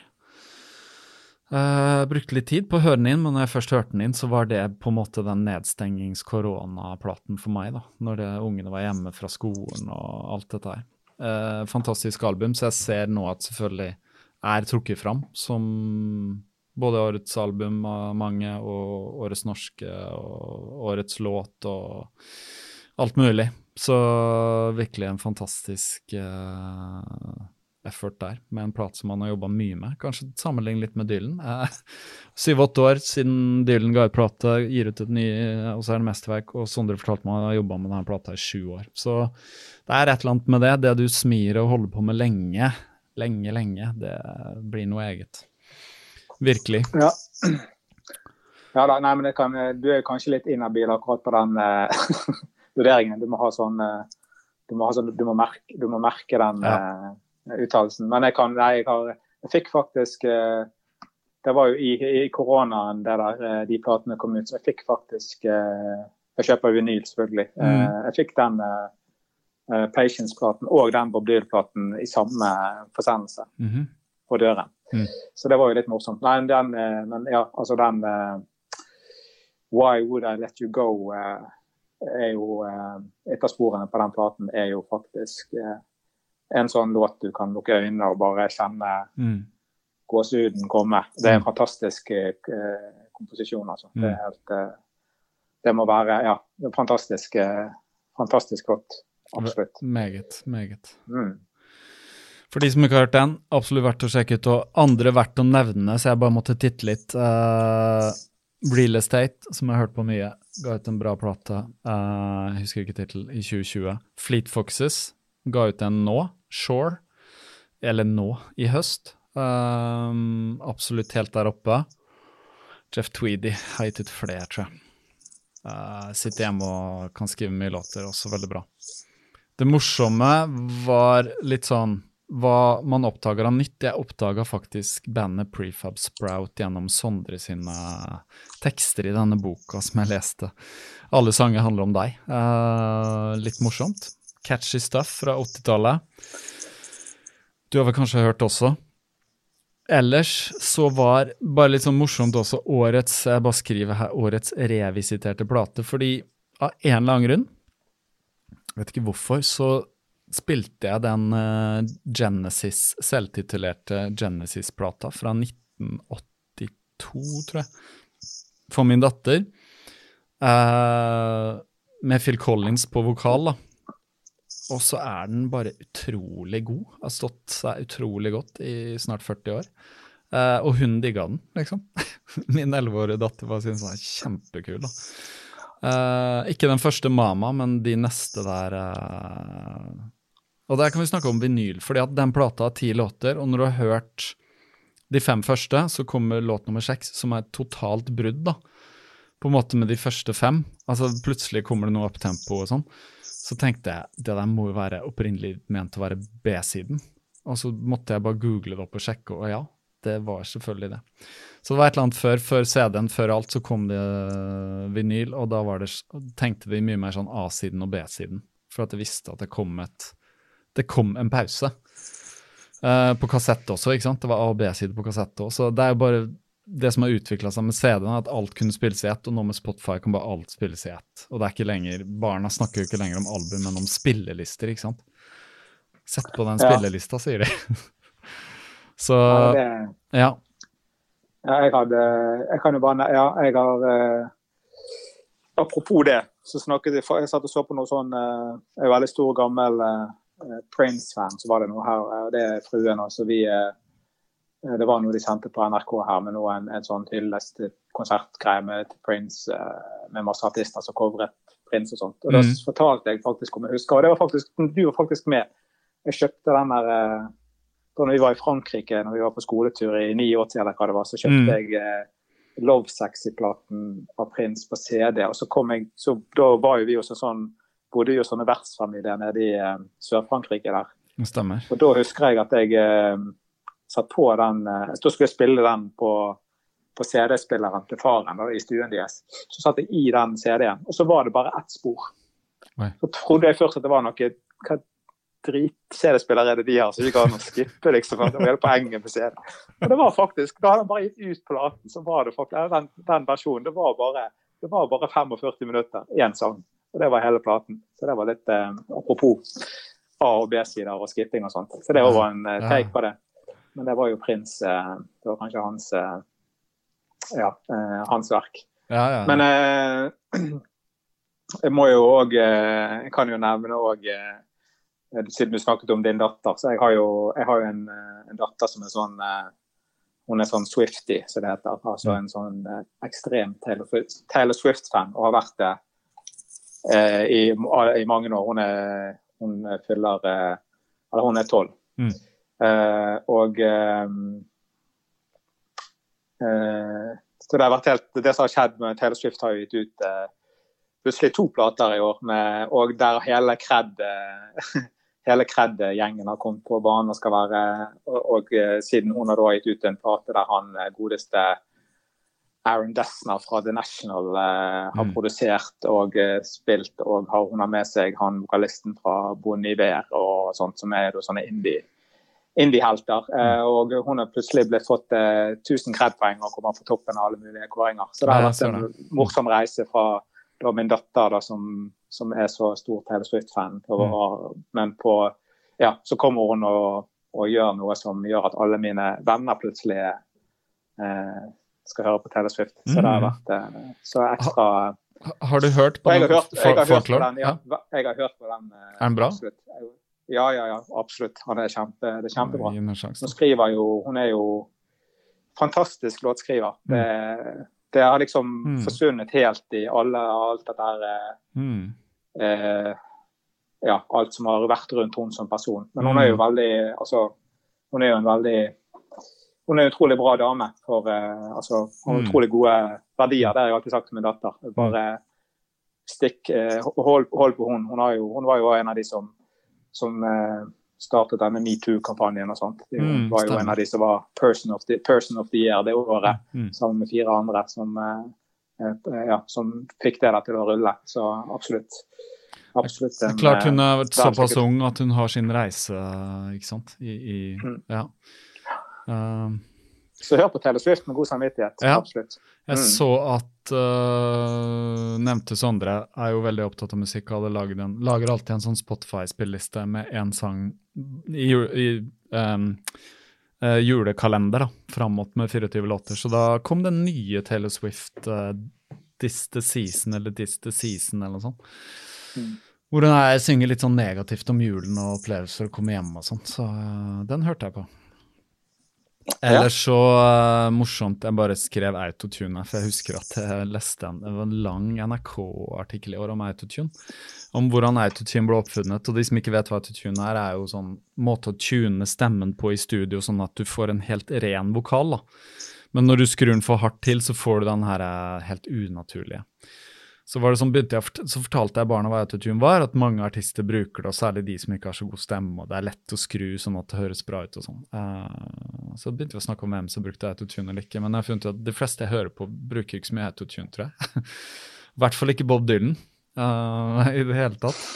Men han har jo en helt fantastisk stemme, da, så det handler jo litt om det. Men det var musikk, og så er det flere verdt å nevne her. Jeg dra- drar fram Fleet Foxes igjen. De, har du hørt på den? Den er jo fantastisk vakker. Der også har du et låtskrivertalent, da. Han eh, som jeg ikke husker Ja, jeg har hørt litt på den. Jeg, eh, jeg har det. Den er god. Eh, Mm. Det ble litt sånn, Den ene, den ene singel, første singel, da trodde det var sånn jeg funnet ut, det, det, det hørtes jo litt ut som Coldplay. Mm. Og da ble jeg røyket litt på nesen. Men, mm. men ja, nei, men absolutt kjempe Det var lenge siden eh, Eller hvert fall så jeg vet jeg har fått med meg at de har gitt ut noe nytt. Så Ja, det er litt sånn hvert tredje år, cirka. Ja. ja. Men jeg kan jo bare si ellers, når vi snakker om musikk, da, for så jeg tror jeg, jeg, det, jeg, en eller annen grunn så begynte Eller ja, jeg fikk en sånn eh, Begynte å ha hatt en spilleliste med en del sånn her eh, gammel black metal på når jeg har løpt. Eh, og det var en sånn ny eh, Ja, det var eh, Det funket veldig bra eh, på løpetur. Og så kom jo den her eh, Rett etterpå det så kom den her eh, Det kom en sånn dokumentarserie på NRK om eh, det norske black metal-miljøet som heter Helvete, som ligger vel på, på, eh, NRK. Mm. på NRK nett-TV. Den, hvis du, den, hvis du, ja, uansett om du er interessert i black metal eller, eh, eller hva, så eh, det var en veldig bra, eh, Mm. en veldig bra dokumentar. Jeg leste, leste om den, ikke sett den. Ja, Nei, den, den må du se. Den er absolutt verd å, verd å kikke på. Ja. Men eh, som er sånn, jeg kan jo bare eh, ha sånn eh, Siden det er jul, så, eh, så kan vi eh, Så jeg kan anbefale en, en juleplate som, Mhm. eh, som eh, sikkert ikke mange eh, hører på. Men den er ikke så gammel heller. Men den er gitt ut av en litt gammel mann. Eh, tilbake til gamle, gamle mannssyndromet. Men mm. eh, alle som liker eh, Wilco, vet jo hvem eh, Nick Lowe er, kanskje. Men eh, en flott britisk herremann som ga ut en, eh, en fantastisk juleplate som heter Quality Street eh, for eh, tre-fire år siden. Den er Mhm. veldig fin, altså. En juleplate. Veldig fin, eh, ja, veldig fin juleplate. Mm. Det er sånn perfekt eh, annerledes. Ingen noe sånn her eh, Ja, altså det, det Han er jo en, eh, låtsmed av eh, sjelden format Mm. eh, og låtskriver. Som, eh, som den er veldig, veldig fin. Den kan du sjekke ut på Spotify. Ja, for, den får Mm. gå inn i spillelista som vi lenker til i podkastnotatene her. Det må vi gjøre. Vi må lage den lista. Det får være opp til oss. Uh, ellers, vi, jeg hører jo veldig lite musikk når jeg løper. Jeg gjør det når jeg er, uh, har behov for det. Hvis det er spesielt tungt. Ellers så bruker jeg veldig mye løpetur til å høre på podkast. Uh, kanskje mer enn deg, for jeg har spurt deg litt om det. Hører du på det og sånn? Og så det har du ikke gjort så mye. Så det er kanskje går det i musikk for det meste hos deg? Eller hva når du løper, eller løper du uten noe? Nei, nå har jeg uh, fått sånn uh, Spotify på klokken, og det er jo helt mm. genialt. så nå har jeg begynt, og da kan du høre, der er det, De har jo fått podkaster på Spotify, mm. blant annet. du er jo inne, du, du kan jo høre på Kaptare på på eh, Spotify. Eh, så det er jo helt eh, glimrende. Så da kan jeg laste ned podkastepisoder direkte på klokken. Så da har jeg begynt å høre litt på, på, på podkaster igjen. Jeg hadde en periode der jeg løp uten noe, for jeg syns det ble så mye mm. mikk-makk. Og så syns jeg òg her i Bergen det er så mye Det regner så mye. Så ja, ikke alt like gøy å løpe med med telefonen og begynner å bli bekymret for at han drukner uh, underveis. Mm. Men jeg slipper det nå. Så nå har jeg hørt mye på mye i det ja, siste halvåret. Mye mer. Så um, Hva har det gått i, ja? På Podkastsiden? Nei, jeg har hørt på, på din podkast, selvfølgelig. Og så er det har jeg vel hørt Jeg, hører, jeg er jo litt sånn fotballnerd, så jeg mm. både ser og hører, um, jeg hører en del uh, fotball, fotballpodkaster fra mm. England. Mm. Um, men ikke noen sånne Jeg har jo tidligere jeg har hørt litt på sånn som på uh, Tim Farris og Joe Rogan og de type tingene, og ikke minst Roll. Men det er vel litt mindre, det også. Mm. Uh, jeg hørte litt på bare for å Vi bare hørte litt på han der Joe Rogan nå i forbindelse med valget. Mm -hmm. Men ja, bare for å høre hva, hva som foregikk der. Mm. Men ja. Um, men en ting som ikke funker på en eller annen grunn, som jeg ikke skjønner, det er faktisk den her sagnomsuste NRK i det lange løp. Eh, den funker faktisk ikke. Den får ikke, får ikke hentet opp episodene på Han er på Spotify, men uh, funker ikke. Jeg får ikke tak i episodene ned på, ja. på klokken av en eller annen grunn. Så, uh, Så, rart. Jeg har ikke brukt mm. Spotify til Jeg har en Acast-app. Den bruker jeg. Uh, mm. Det er plattformen som hoster denne podkasten også, som jeg betaler, da, selvfølgelig. Uh, ja, What Sid Thinks, det er jo en av mine favoritter. Sid Garza Elmans har vært her på podkasten. Uh, du kjenner også til Jeg vet du hørte litt på hans tidligere podkast. Han er jo morsom. Han er fortsatt morsom, da. Det er det som er så kult. Han er uh, What Sid Thinks, sin egen podkast. han lager 20-25 minutter lange episoder, som er veldig sånn fin lengde når du en Når du gjør monologer rett og slett. Så han er veldig god på monologer. Og så er han sånn innimellom, så har han noen digresjoner og sånn. Og så avslutter han med en låt, en av sine egne låter. Uh, han er jo musiker også. Så de, det er en av mine favoritter. Og det som er fint med den Acast som jeg får så godt til, er at du kan legge i rekkefølgen du vil. Uh, veldig greit. Så jeg har også hørt, du nevnte Ritual. Jeg har hørt på Ritual, klarer ikke alle fordi at han lager så mange lange, og det kommer to i uka og sånn. Men de jeg har hørt på, som jeg kan anbefale, er de der Roll On, som de heter. Et uh, ordspill med navnet hans der, altså. Roll On. Hva syns du, da? Roll On, og så kolon. Nå kommer det, liksom. For eksempel roll on no shortcuts to enlightenment. det er dypt. Men det som jeg syns er så bra med de, er at han har funnet seg en co-host som han tar tilbake fast. Som heter Adam Skolnick, og det er han som uh, har skrevet uh, David Goggins-boka Can't Hurt Me. Altså, han er co-author, da, men han er en New York Times-journalist journalist, og skrevet den, og den boka er jo eksplodert. Den er jo kjempestor. Uh, den er jo en av de topp uh, på Amazon. Men de to har en jævlig Beklager språket. Nei da, vi har sånn explicit lyrics. De har en jævlig bra dynamikk som jeg ikke har hørt i noen andre podkaster, tror jeg. To stykk som snakker sammen, da. Uh, har en outline som de har gått gjennom foran. Hva skal vi snakke om? Og der har de snakka om valg og sånn, så hvis du lurer litt på hva skjer om USA og sånn, så er de to jævlig gode, altså. Uh, og de tar for seg trening og sånn. Hans Skolnick er litt sånn svømmer, da, og skrevet mye om svømmere og sånn, så, men han har vært sånn halvtrent, dårlig trent. Så de snakker en del om det, så det er greit. Du får det der. Fra litt sånn om aktørperspektivet, og Ritual vet litt mer om det og sånn. Og så snakker de mye om amerikansk politikk, det har de gjort, og det vet jeg han har fått pepper for. For at begynner å snakke om amerikansk politikk, så blir det mange lyttere som blir sinna fordi de er uenige. Sant? Så han har jo vært ærlig på det også. Han har sikkert mista med lyttere på det, og fått inn, men han, det er viktigere for han å gjøre på en måte noe som han føler er viktig, da, enn å please på en måte lytterne med å lage forskjellige ting. Og så kan de også snakke om liksom psykologi og spirituelle ting og ja, ikke sant. Noe som er eh, litt mer der ute. Så de syns jeg er veldig bra, så det kan jeg faktisk anbefale. Uh, de som kommer innimellom. Og de klokker jo inn på to timer og pluss og sånn, uh, men de, de, flyter veldig bra. Ellers har jeg også hørt litt på selvfølgelig Tim Ferris. Uh, han hadde jo en veldig bra episode jeg nevnte på påkasten hvor han vrengte sin sjel og fortalte om seksuelle overgrep han har opplevd som barn. Det er jo ikke bare når du på en måte er en kjent person og har et publikum, det kan jo også være litt sånn Ja, mange som ikke på en måte vil høre om det, da. Men han gjorde en veldig fin figur der.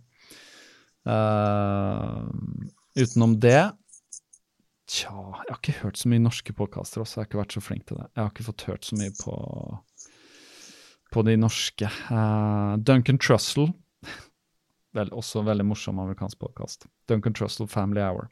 Tror jeg var med Hans Christian fra Nå er det alvor som uh, tipsa meg om når han var her første gang. Veldig sprø fyr. Uh, Russell Brand har en podkast. Den er dessverre bak en uh, Den er veldig god, men den er bak en betalingsmur. Ikke bak en betalingsmur. Du må ha et abonnement på et eller annet. Så det er litt sånn på podkast, men det jeg har lagt merke til, at det er så mye podkaster nå at uh, jeg syns det er et mirakel at noen sitter og hører på nå i det hele tatt, når du har én million podkaster å velge mellom, og 100 000 av de er jo norske. Føler jeg. Ja, du kunne jo tilbrakt døgnet rundt hørt podkaster og hadde aldri fått tid til å ja, høre på halvparten. Så det, det, det, er blitt Det er eksplodert siste åra. Men det er bare kult, det. Så lenge folk finner noe de liker å høre på og sånn. Uh, merker jo at jeg hører litt mye på det samme, da. Så jeg kunne sikkert også vært litt flinkere til å finne noe nytt. For jeg vet det er mye der. Men uh, fotball, ja. Du er jo Jeg vet du er Liverpool-fan. Det gikk jo bra med Liverpool i år, selv om det var litt trist år å vinne serien, da. Sånn med tomme tribuner og sånn, mener jeg. Hvordan var det? Jo, ja. jo, nei, det var jo Nei, altså Nei, det er klart at alt, eh, alt ble jo trist i år av ting som skulle Av ting som man hadde lyst til å, å feire. Men eh, ja, nei, jeg er sånn type Jeg er sånn type vokst opp med, med kjekling fra barneskolen med, med United support, Manchester United-supportere, veldig fotball, mm. engelsk fotballinteressert. Um, siden jeg var veldig eh, Ja, siden jeg var, fikk min første Leopold-drakten jeg tror jeg var syv eller åtte år. Eh, men uh, Nei, uh, så jeg har vært uh, Så har det vært Skjedde det veldig mye lydmessig her, men det, det, er bare du, vet du hva, Stig? Det er bare du som hører, fordi okay. jeg, jeg, jeg, jeg, koker opp vann, så skrur jeg ned min mic, men du hører det gjennom datamaskinen. Ja. Så det er bare, bare fortsett, du. Ja.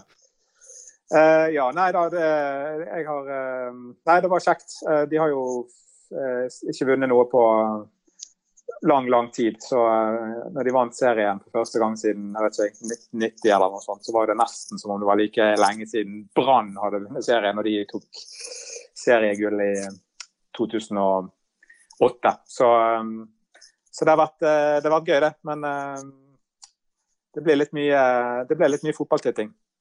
Men jeg fikk litt sånn òg eh, Nå når eh, den koronaen slo inn og de begynte opp igjen, så da var jeg litt sånn at nå, eh, nå, nå er det litt nok. Jeg fikk ikke helt Jeg fikk ikke helt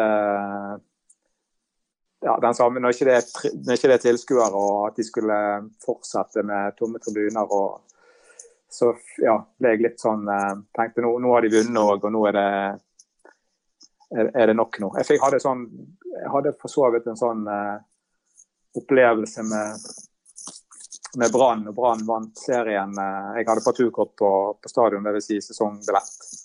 I, I, mange år, og så vant de, og så fikk jeg bare sånn og så gikk jeg på stadion året etter, og så bare fikk jeg, sånn, var, og, og, fikk jeg en sånn på en måte nok eh, av hele av hele Brann å gå på fotballkamp. og At det gikk fra at du fikk en eh, du kunne kjøpe en, eh, en buljong og kanskje en, eh, en, pølse, til at det ble så utrolig mye penger i det, og så mye fokus på det og produktet. og liksom mye mer vekk fra hele fotballen, Ja.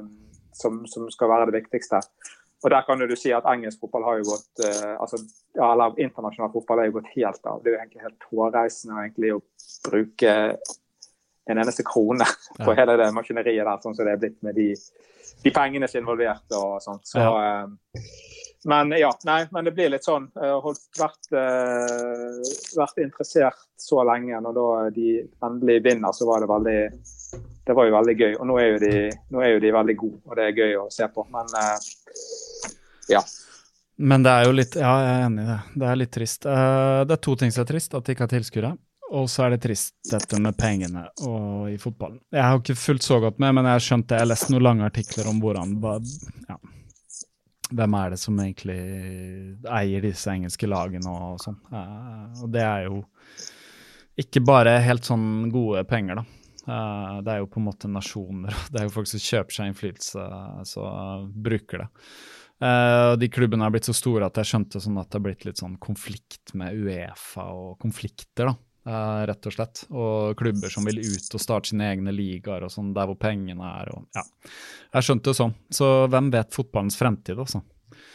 Uh, Ja, du må gjerne gå tilbake Mm. til uh, Jeg syns det er gøyere. Og jeg er jo tre, fot, fotballtrener for min uh, datter sitt lag. Det er jo nesten gøyere å se på de kampene enn på ja, ja.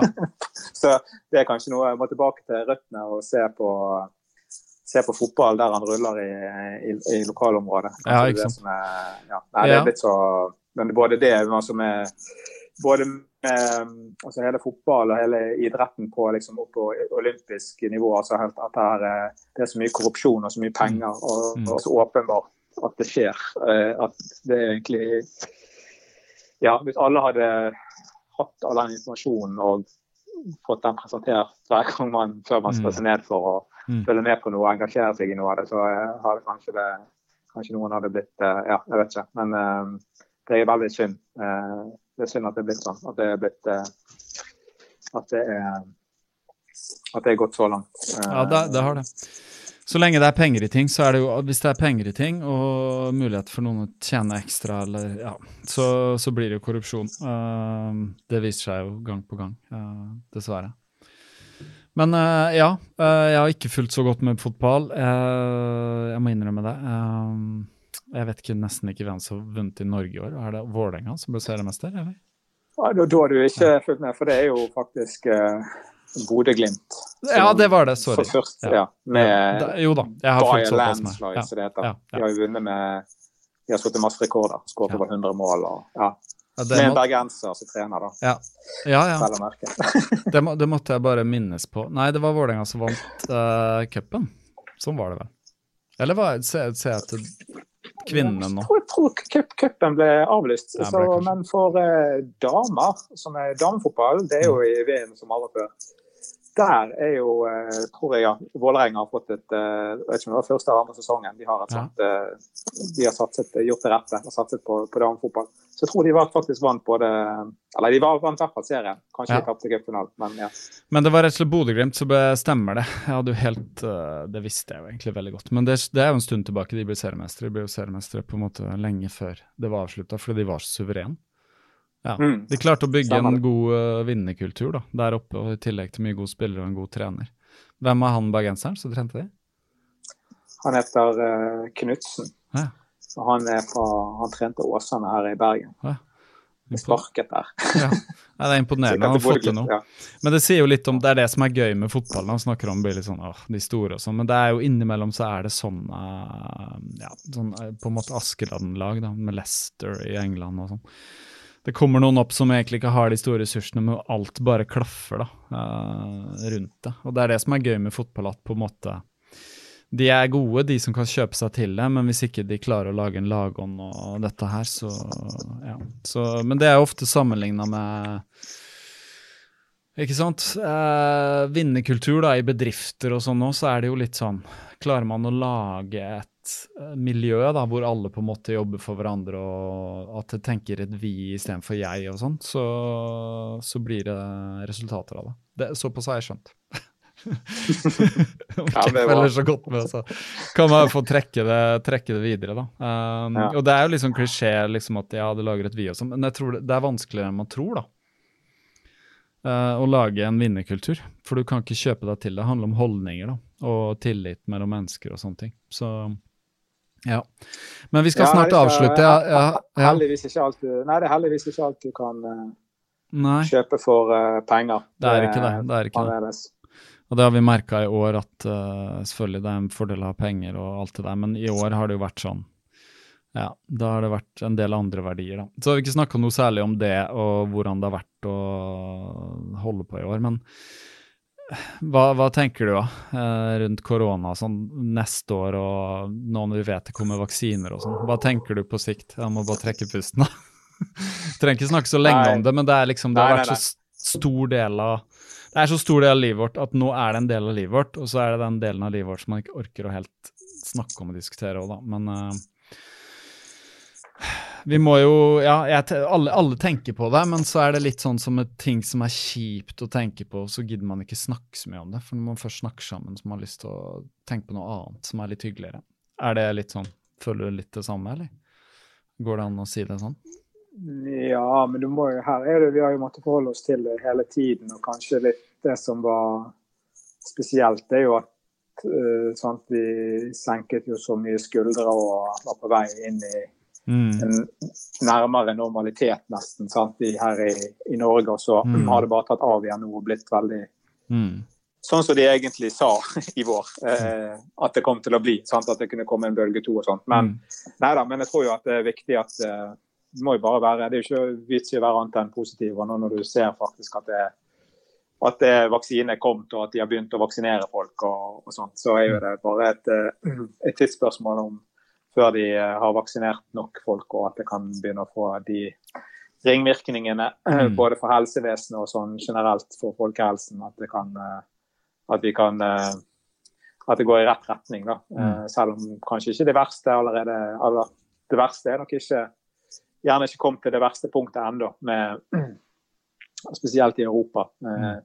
på, på sånn krise, krisetilstander. Men eh, nei, vi får håpe at vi, eh, at vi kan at det, ja, sånn På løpsmessig og arrangementsmessig sånn, så er jo det det er vel mye av våren som uansett vil ryke. Mange ting er avlyst fordi at arrangører ser allerede at det er for sant? De tenker kanskje at OK, vi kan muligens avvikle ting, men, eller altså eh, gjennomføre ting, men all den usikkerheten, sånn, så det er for stor risiko i tilfelle altså, å bære på. Eh, hvis det likevel ikke skal kunne gjøre. Da. Men, mm. eh, men eh, til sommeren og sånn, sant? Jo, de skal jo, OL er jo flyttet, sant? og det skal være eh, Vi snakket jo om fotball, det skal være EM i hele Europa. Mm. Eh, det er vel i slutten av juni. Og jeg så jo nå at sånn her i Bergen så har jo de solgt la ut 22 000 billetter til en utendørskonsert med Post Malone. Jeg så det. Kan google hvis du ikke vet hvem det er. Nei, jeg visste ikke hvem det var. Han var stor, tydeligvis. Nei, jeg måtte spørre ungene. Jeg har hørt navnet, men eh, Men det, det, det, skjønner, det, skjønner, jeg ikke. Da bare gambler de på at uh, alle er vaksinert da, i juni? Og så ja, vi kan gå på konsert? Jeg skjønner ikke. Jeg ble litt sånn, jeg ble litt overrasket over Og folk har jo kjøpt billetter òg. Det var liksom, det ble ja, ja. Som solgt 11 000 billetter på et par timer. Denne, ja, ja. sånn.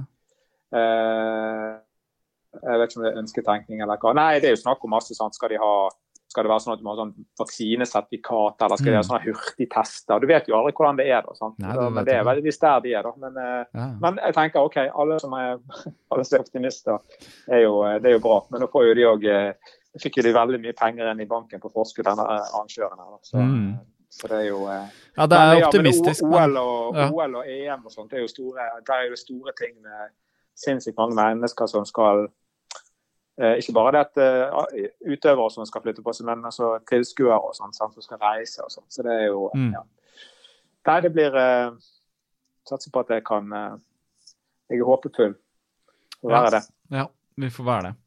Mm. Vi vet ikke. Um, det, det, går for rett vei. Når det er vaksine, så går det rett vei. Så får håpe at uh, den fungerer som den skal, og sånn. Um, og at ikke dette på en måte bare er et sånn ja, uh, kortsiktig løsning.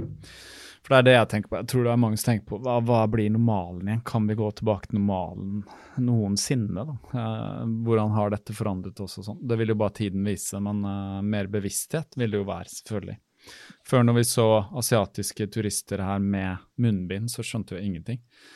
Hvorfor munnbind? Jeg tenkte alltid sånn forurensning, ikke sant? Mm. tror de er så forurensa. Men det er jo ikke derfor de har gått med munnbind. De har vært vant til det her i mange år. Vi har levd tett på hverandre og sånn i store asiatiske byer, metropoler, så ja, det er litt rart. Jeg ble ikke vant til å gå med munnbind, samme hva. Det er, føles veldig unaturlig hver gang jeg har det på og går i butikker og sånn. Men uh, det er blitt normalen nå. Butikkansatte alt sammen. Så ja. Håper ja, det er sånn sjekk, sjekkliste når du skal ut. Ja, har jeg munnbind? Med, ha lommebok, mm. mobil, nøkler og munnbind. Mm. Ja kommer ikke så langt uten. Nei, jeg gjør ikke det. Hvis ikke så må du bare kjøpe et sted, liksom. Men for å få kjøpt det, så må du nesten ha det. Så, ja. Nei, vi, vi, trenger ikke si så mye om det. Jeg håper i hvert fall at uh, det kan bli noen store løp og sånn igjen. Uh, kanskje til høsten, da. Vi får se. Vi får se også. Uh, vi håper. Krysser fingrene, rett og slett. Nå er det snart jul. Jeg skal, apropos, jeg har noen, eh, som min kone ringte, jeg skal levere en liten sånn kurv med noen saker til en grandonkel her oppe, så jeg må nesten stikke og gjøre det. Jeg skal gjøre det etter klokka fem. Hvordan ligger du an før jul? Er, du, er det sånn noenlunde der, eh, med innkjøp osv., eller? Nei, men planene er vel tilstrekkelig god gode til at vi kommer i mål med det meste uten for mye ja. stress, tenker jeg. Så ja. det skal bli bra, det. Litt stress blir det alltid til jul. Uh, det er en del som skal liksom klaffe, men uh, vi har veldig ikke sant, Når man har holdt på med noen år, så har man litt rutine på det. Det merker vi ved å feire jul sammen med våre svigerforeldre, mine svigerforeldre, min kones foreldre i alle år, så det er veldig sånn rutine på saker og ting. Så det er veldig bra. Vi vet alt som er av å gjøres, osv. Så, videre. så er det jo veldig for barna, da. For oss som har barn, så er det gøy. Det er de som gleder seg. Jeg merker barna mine er jo helt på hugget allerede. Nå jeg teller de ned antall dager, og ja, det er stort. Det er gøy. Det er det. Men det er deilig å få litt fri, så jeg tror vi skal Nå skal jeg gi deg fri også. Du sitter på kontoret. Um, du har løpt i dag, eller skal du løpe hjem også? Ja, det er det som er planen. Ja. Da får du noen så. Nå ser jeg eh, Det er sånn jeg kan se ut eh, vinduet her jeg sitter og kan se eh, lysene på hinsiden av eh, Puddefjordsbroen ja. eh, på Damsgårdsiden, da vet jeg at da er ikke det sånne tunge regnskyer som ligger nedover. Eh, så det ser i hvert fall mm. opplett ut akkurat nå. Her er det også opplett en liten stund, så får jeg se om kanskje jeg får meg løptur i dag. også. Uh, få de 1000 høydemeterne før. Ja, det må du få. Ja, må, må, vel ikke, men uh, Jo, du må. må. Ja, vi snakka litt uh, med vintertrening, ta det litt med ro. Jeg har tatt litt med ro da, uh, i det siste, men vet du hva det jeg kan si? Altså, jeg får ikke noe, jeg syns ikke det er noen fordeler med å ta det med ro. Ikke føler jeg mer overskudd, og ikke får jeg en friskere bein av det, og ikke blir jeg noe bedre humør av det. Så det er liksom litt sånn jeg kan si det at litt, litt, i år så har det vært sånn rent psykisk har det vært litt sånn redningen å kunne løpe, da. Uh, og tross alt vært så god form i hele år, da. Altså ikke sånn toppform, men bare sånn at man har hatt så jevnt god form at man kan bare gå ut og løpe uten at det er noe krevende, da. Um, mm. Ja, nei, jeg, jeg er den oppfatning av at uh, det med å ta det med ro og ta en pause og sånt, altså det er sånn vittig med alle disse rådene. Sant? Vi er jo det er altså fra mer eller mindre verdensledende eksperter, men òg for uh, utøvere som er i, i, verdenstoppen, eller i hvert fall et helt annet nivå enn det 99,9% av de som hører på dette, så er jo det gjerne at de trener uh, ja, de løper gjerne opp mot uh, ja, 180-200 km i uken. Sant? Mm. Så da, å ta det med ro, da har de gjerne behov, et annet behov for å ta det litt med ro. Og med ro for de er noe annet enn det vi gjør. Så ja. Ja. Så det har vel noe med det å gjøre. Men uh, jeg for min del kjenner mer av hvis ikke jeg uh, Det er blitt en sånn stor del av livsstilen. Men jeg føler liksom jeg begynner å kjenne på Hvis ikke jeg løper, så, kjenner jeg, så begynner jeg å få vondt noen steder. Ja. Ja, samme her. Og må løpe for å holde liksom, ja, ja. litt i sjakk. ja, men det er sant. Det, altså, det jeg har opplevd nå når jeg har løpt mindre, det er blitt veldig stiv, da stiv i kroppen, men da må innrømme at jeg har hatt veldig mye sånn jobbmessig å gjøre, da. Um, i en periode nå, for vi har holdt på med noen prosjekter som jeg er på en måte litt sånn ansvarlig for. da, Rekruttere masse fotografer og sånn til en bedrift som jeg jobber for, og jeg lærer opp folk og sånn. Så jeg har hatt veldig mye å gjøre, og sitter mye mer stille enn før og skriver mailer og snakker telefon, og jeg har veldig mye Skype-intervjuer. Og møter. Så det, hvis jeg har løpt mindre og sitter stille, da blir jeg bare stiv, altså. Mm. Stiv i ryggen og alt det der. Så å være ute og bevege seg er det viktigste, kjenner jeg, da. Eh, så når jeg tok et par dager uten løping, løping nå, så kom det sånn her sug i går, altså. Kom sånn her sug, Jeg bare må ut. Jeg begynte å fable om at jeg skal løpe, nå skal jeg løpe tre timer og sånn. Så kom jeg meg litt seint ut, så i forhold til middag og sånn, så måtte det bli. Men jeg ringte jo deg, vi snakka i telefonen og var sånn Løp halvannen time, liksom, og det var dødsdeilig, da. Så ja, får se om jeg får en tur i dag òg, men uh, det er uh, Jeg ønsker jo da å på en måte misjonere litt for løping, men det er ikke så lett, de jeg kjenner som ikke løper, å begynne sånn Jeg skal ikke begynne å løpe litt, da. Det er litt sånn det er litt sånn Skal ikke ha deg en sigg, liksom. Som du pusher noe på folk. ikke sant? Det er litt sånn derre Jeg vet ikke, altså. Man må oppdage det sjøl, egentlig. Så, men det er jo stadig folk som gjør, så det er det som er gøy. Sånn som med podkasten her. Plutselig er noen på, på Instagram sender meldinger sender liksom, via en eller annen kanal av at de oppdager løping og podkasten og blir veldig gira og sånn. Så det er veldig gøy.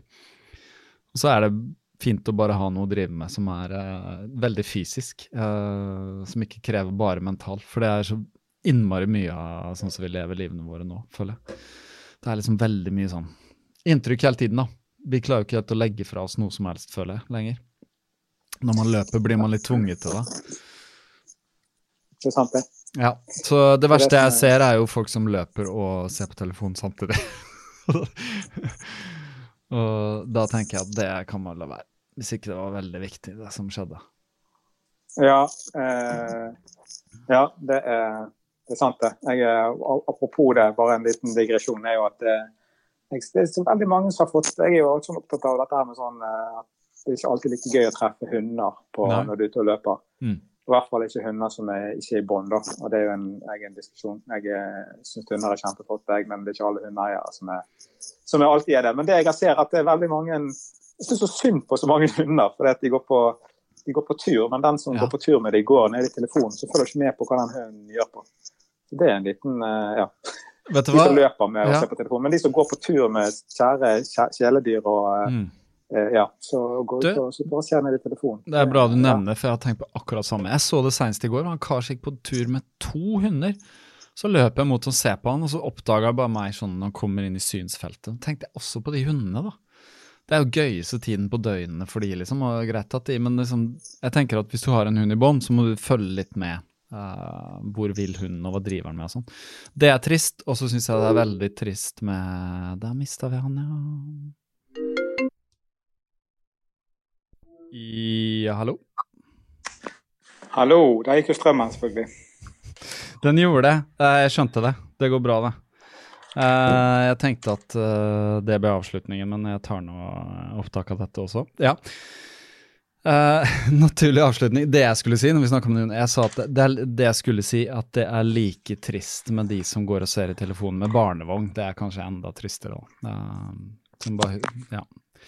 Prøve å sende en liten sånn vibb ut at husk, husk eh, de der små som vil ha øyekontakt. Ja, men Tenker jeg, jeg. Mm. jeg tenkte jo på det Jeg tenkte på det samme. Altså, jeg, jeg, har sett, jeg har tenkt på det samme. Det, det gjelder Men jeg, jeg nevnte hunder siden det er hunder jeg eh, har problemer med når jeg løper. Men, Ja. eh, men jeg ser jo, jeg ser jo det at, det, at de som går på, på tur med barnevogn, og så er, Mm. er dypt nede i telefonen og ikke Mm. er til stede for meg ungen som gjerne peker på noe. sant? Mm. Det er en, en hyggelig and eller et eller annet med andedammen eller noe sånt, så Ja. får ikke de det med seg. Det er jo, Viktig. Men du, vi var jo egentlig veis ende her. Jeg skal eh, som sagt levere noe eh, Ja, jeg Noen saker det. og ting. Men, men klipper du inn noe nå, eller hva gjør du for noe? Ja, nå, jeg, noe? ja, jeg tar opp nå, så dette blir avslutningen. Så får det være sånn. Ja, det er greit. Det blir et lite brudd. Det går fint det i klippen. Sånn er det. Jeg bare si takk for at du tok deg tid. Eh, det tar jo alltid noen timer mer enn man eh, tror det her. Eh, vi har jeg tror vi snakka god halvannen time. Sånn liten halvmaraton. Det er ikke Det er i hvert fall ikke uh, sånn fire-fem timer som det brått kan bli, men uh, en fin lengde. Det er uh, årets slutt. bare ønske deg god jul og godt nyttår. Alle lytterne, som det har kanskje vært jul allerede, men nå er planen dette kommer ut i romjulen. Men godt nyttår. Takk for at dere har lyttet. Takk, for, eh, takk til alle patrons, blant annet deg, Stig, um, som støtter. Det er viktig, det vet du. Um, og så er det noe mer du vil si, eller har lyst til å dele? Nei, det, det, høres bra ut, det. Det gjør det. Eh, godt nytt uh, løpeår når den tid kommer. Så ses vi, ja. ses vi på, et, uh, ses vi på et, en startstrek i 2021. Vi ses på en startstrek. Vi fikk ikke til et uh, en um, hyttetur, som vi ofte gjør på høsten i år. Det var litt vanskelig, men vi får det til, og da blir det nok nye podkastepisoder. Men takk, Stig. Så ha en god aften da, og god løptur hjem. Pass på, på glatte og alt sånn. Eh, pass på beina nå. Før de siste yes. 75 mot 6, 5000. Så lykke til med det. Ha en god tur. Tror jeg vi avslutter sånn. Takk. Vi snakkes. Vi yes. gjør det. Ha det, Stig. Ha det godt. Det var det, mine venner. 2020 er historie. Beklager lille, det lille bruddet på slutten her, men uh, sånn er det. Uh, strøm Vi går tom for strøm innimellom. Uh, jeg vil bare nevne at eh, det ligger noen linker i podkastnotatene her. Ta en titt på de. blant annet spilleliste fra Spotify med noen av favorittlåtene fra 2020. Det er en eh, litt over en times lang spilleliste som er faktisk veldig fin å ha med seg på tur. Uh, veldig mange av de albumene, eller uh, veldig mange av sangene, er fra album som i seg selv er helt formidable album, så jeg må bare understreke at uh, hvis dere har tid og interesse av det, så uh, bruk den uh, Spotify-spillelista til å gå inn på de albumene som disse låtene er fra. og hør de ut. jeg er fortsatt en av de som er veldig opptatt av å spille album, da. Plater, som vi kaller det. Uh, fra begynnelse til slutt. Jeg har veldig tro på, på det. Uh, selv om det er gøy med spillelister og forskjellig musikk, så er jeg en som nyter å sette på en plate. Uh, F.eks. en Bob Dylan-plate uh, fra begynnelse til slutt. Eller Sondre Leiksin, eller noen av de andre der. Uh, og så vil jeg bare nevne at uh, jeg fikk en e-post av uh, min venn Rasmus, som arrangerte Skulderbackyard Ultra, og han skal arrangere det på nytt. Der er det muligheter for å bli med. Det er en uh, liten prosess, men uh, jeg ber dere om å ta en titt på den også. Jeg tror det der arrangementet kan bli ganske gøy um, når høsten kommer, når september kommer. Jeg har i hvert fall veldig lyst til å være med på det igjen, uh, og få testa noen nye grenser der.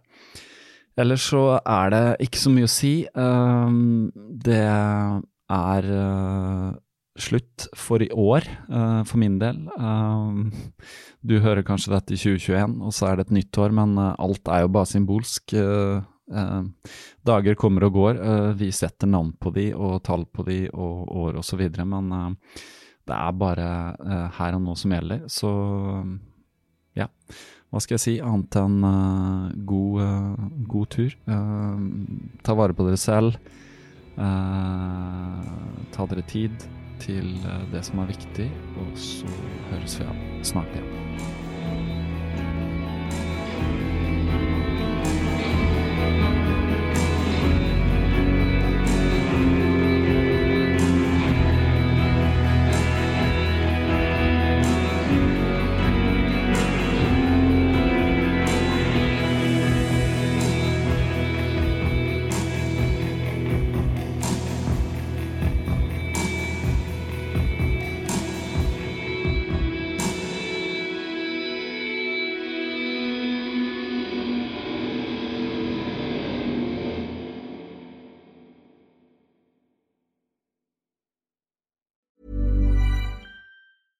Planning for your next trip? Elevate your travel style with Quince. Quince has all the jet setting essentials you'll want for your next getaway, like European linen premium luggage options, buttery soft Italian leather bags, and so much more. And it's all priced at 50 to 80% less than similar brands. Plus, Quince only works with factories that use safe and ethical manufacturing practices. Pack your bags with high-quality essentials you'll be wearing for vacations to come with Quince. Go to quince.com slash trip for free shipping and 365-day returns. Ever catch yourself eating the same flavorless dinner three days in a row? Dreaming of something better? Well, HelloFresh is your guilt-free dream come true, baby. It's me, Kiki Palmer. Let's wake up those taste buds with hot, juicy pecan-crusted chicken or garlic butter shrimp scampi. Mm. Hello Fresh. Stop dreaming of all the delicious possibilities and dig in at HelloFresh.com. Let's get this dinner party started.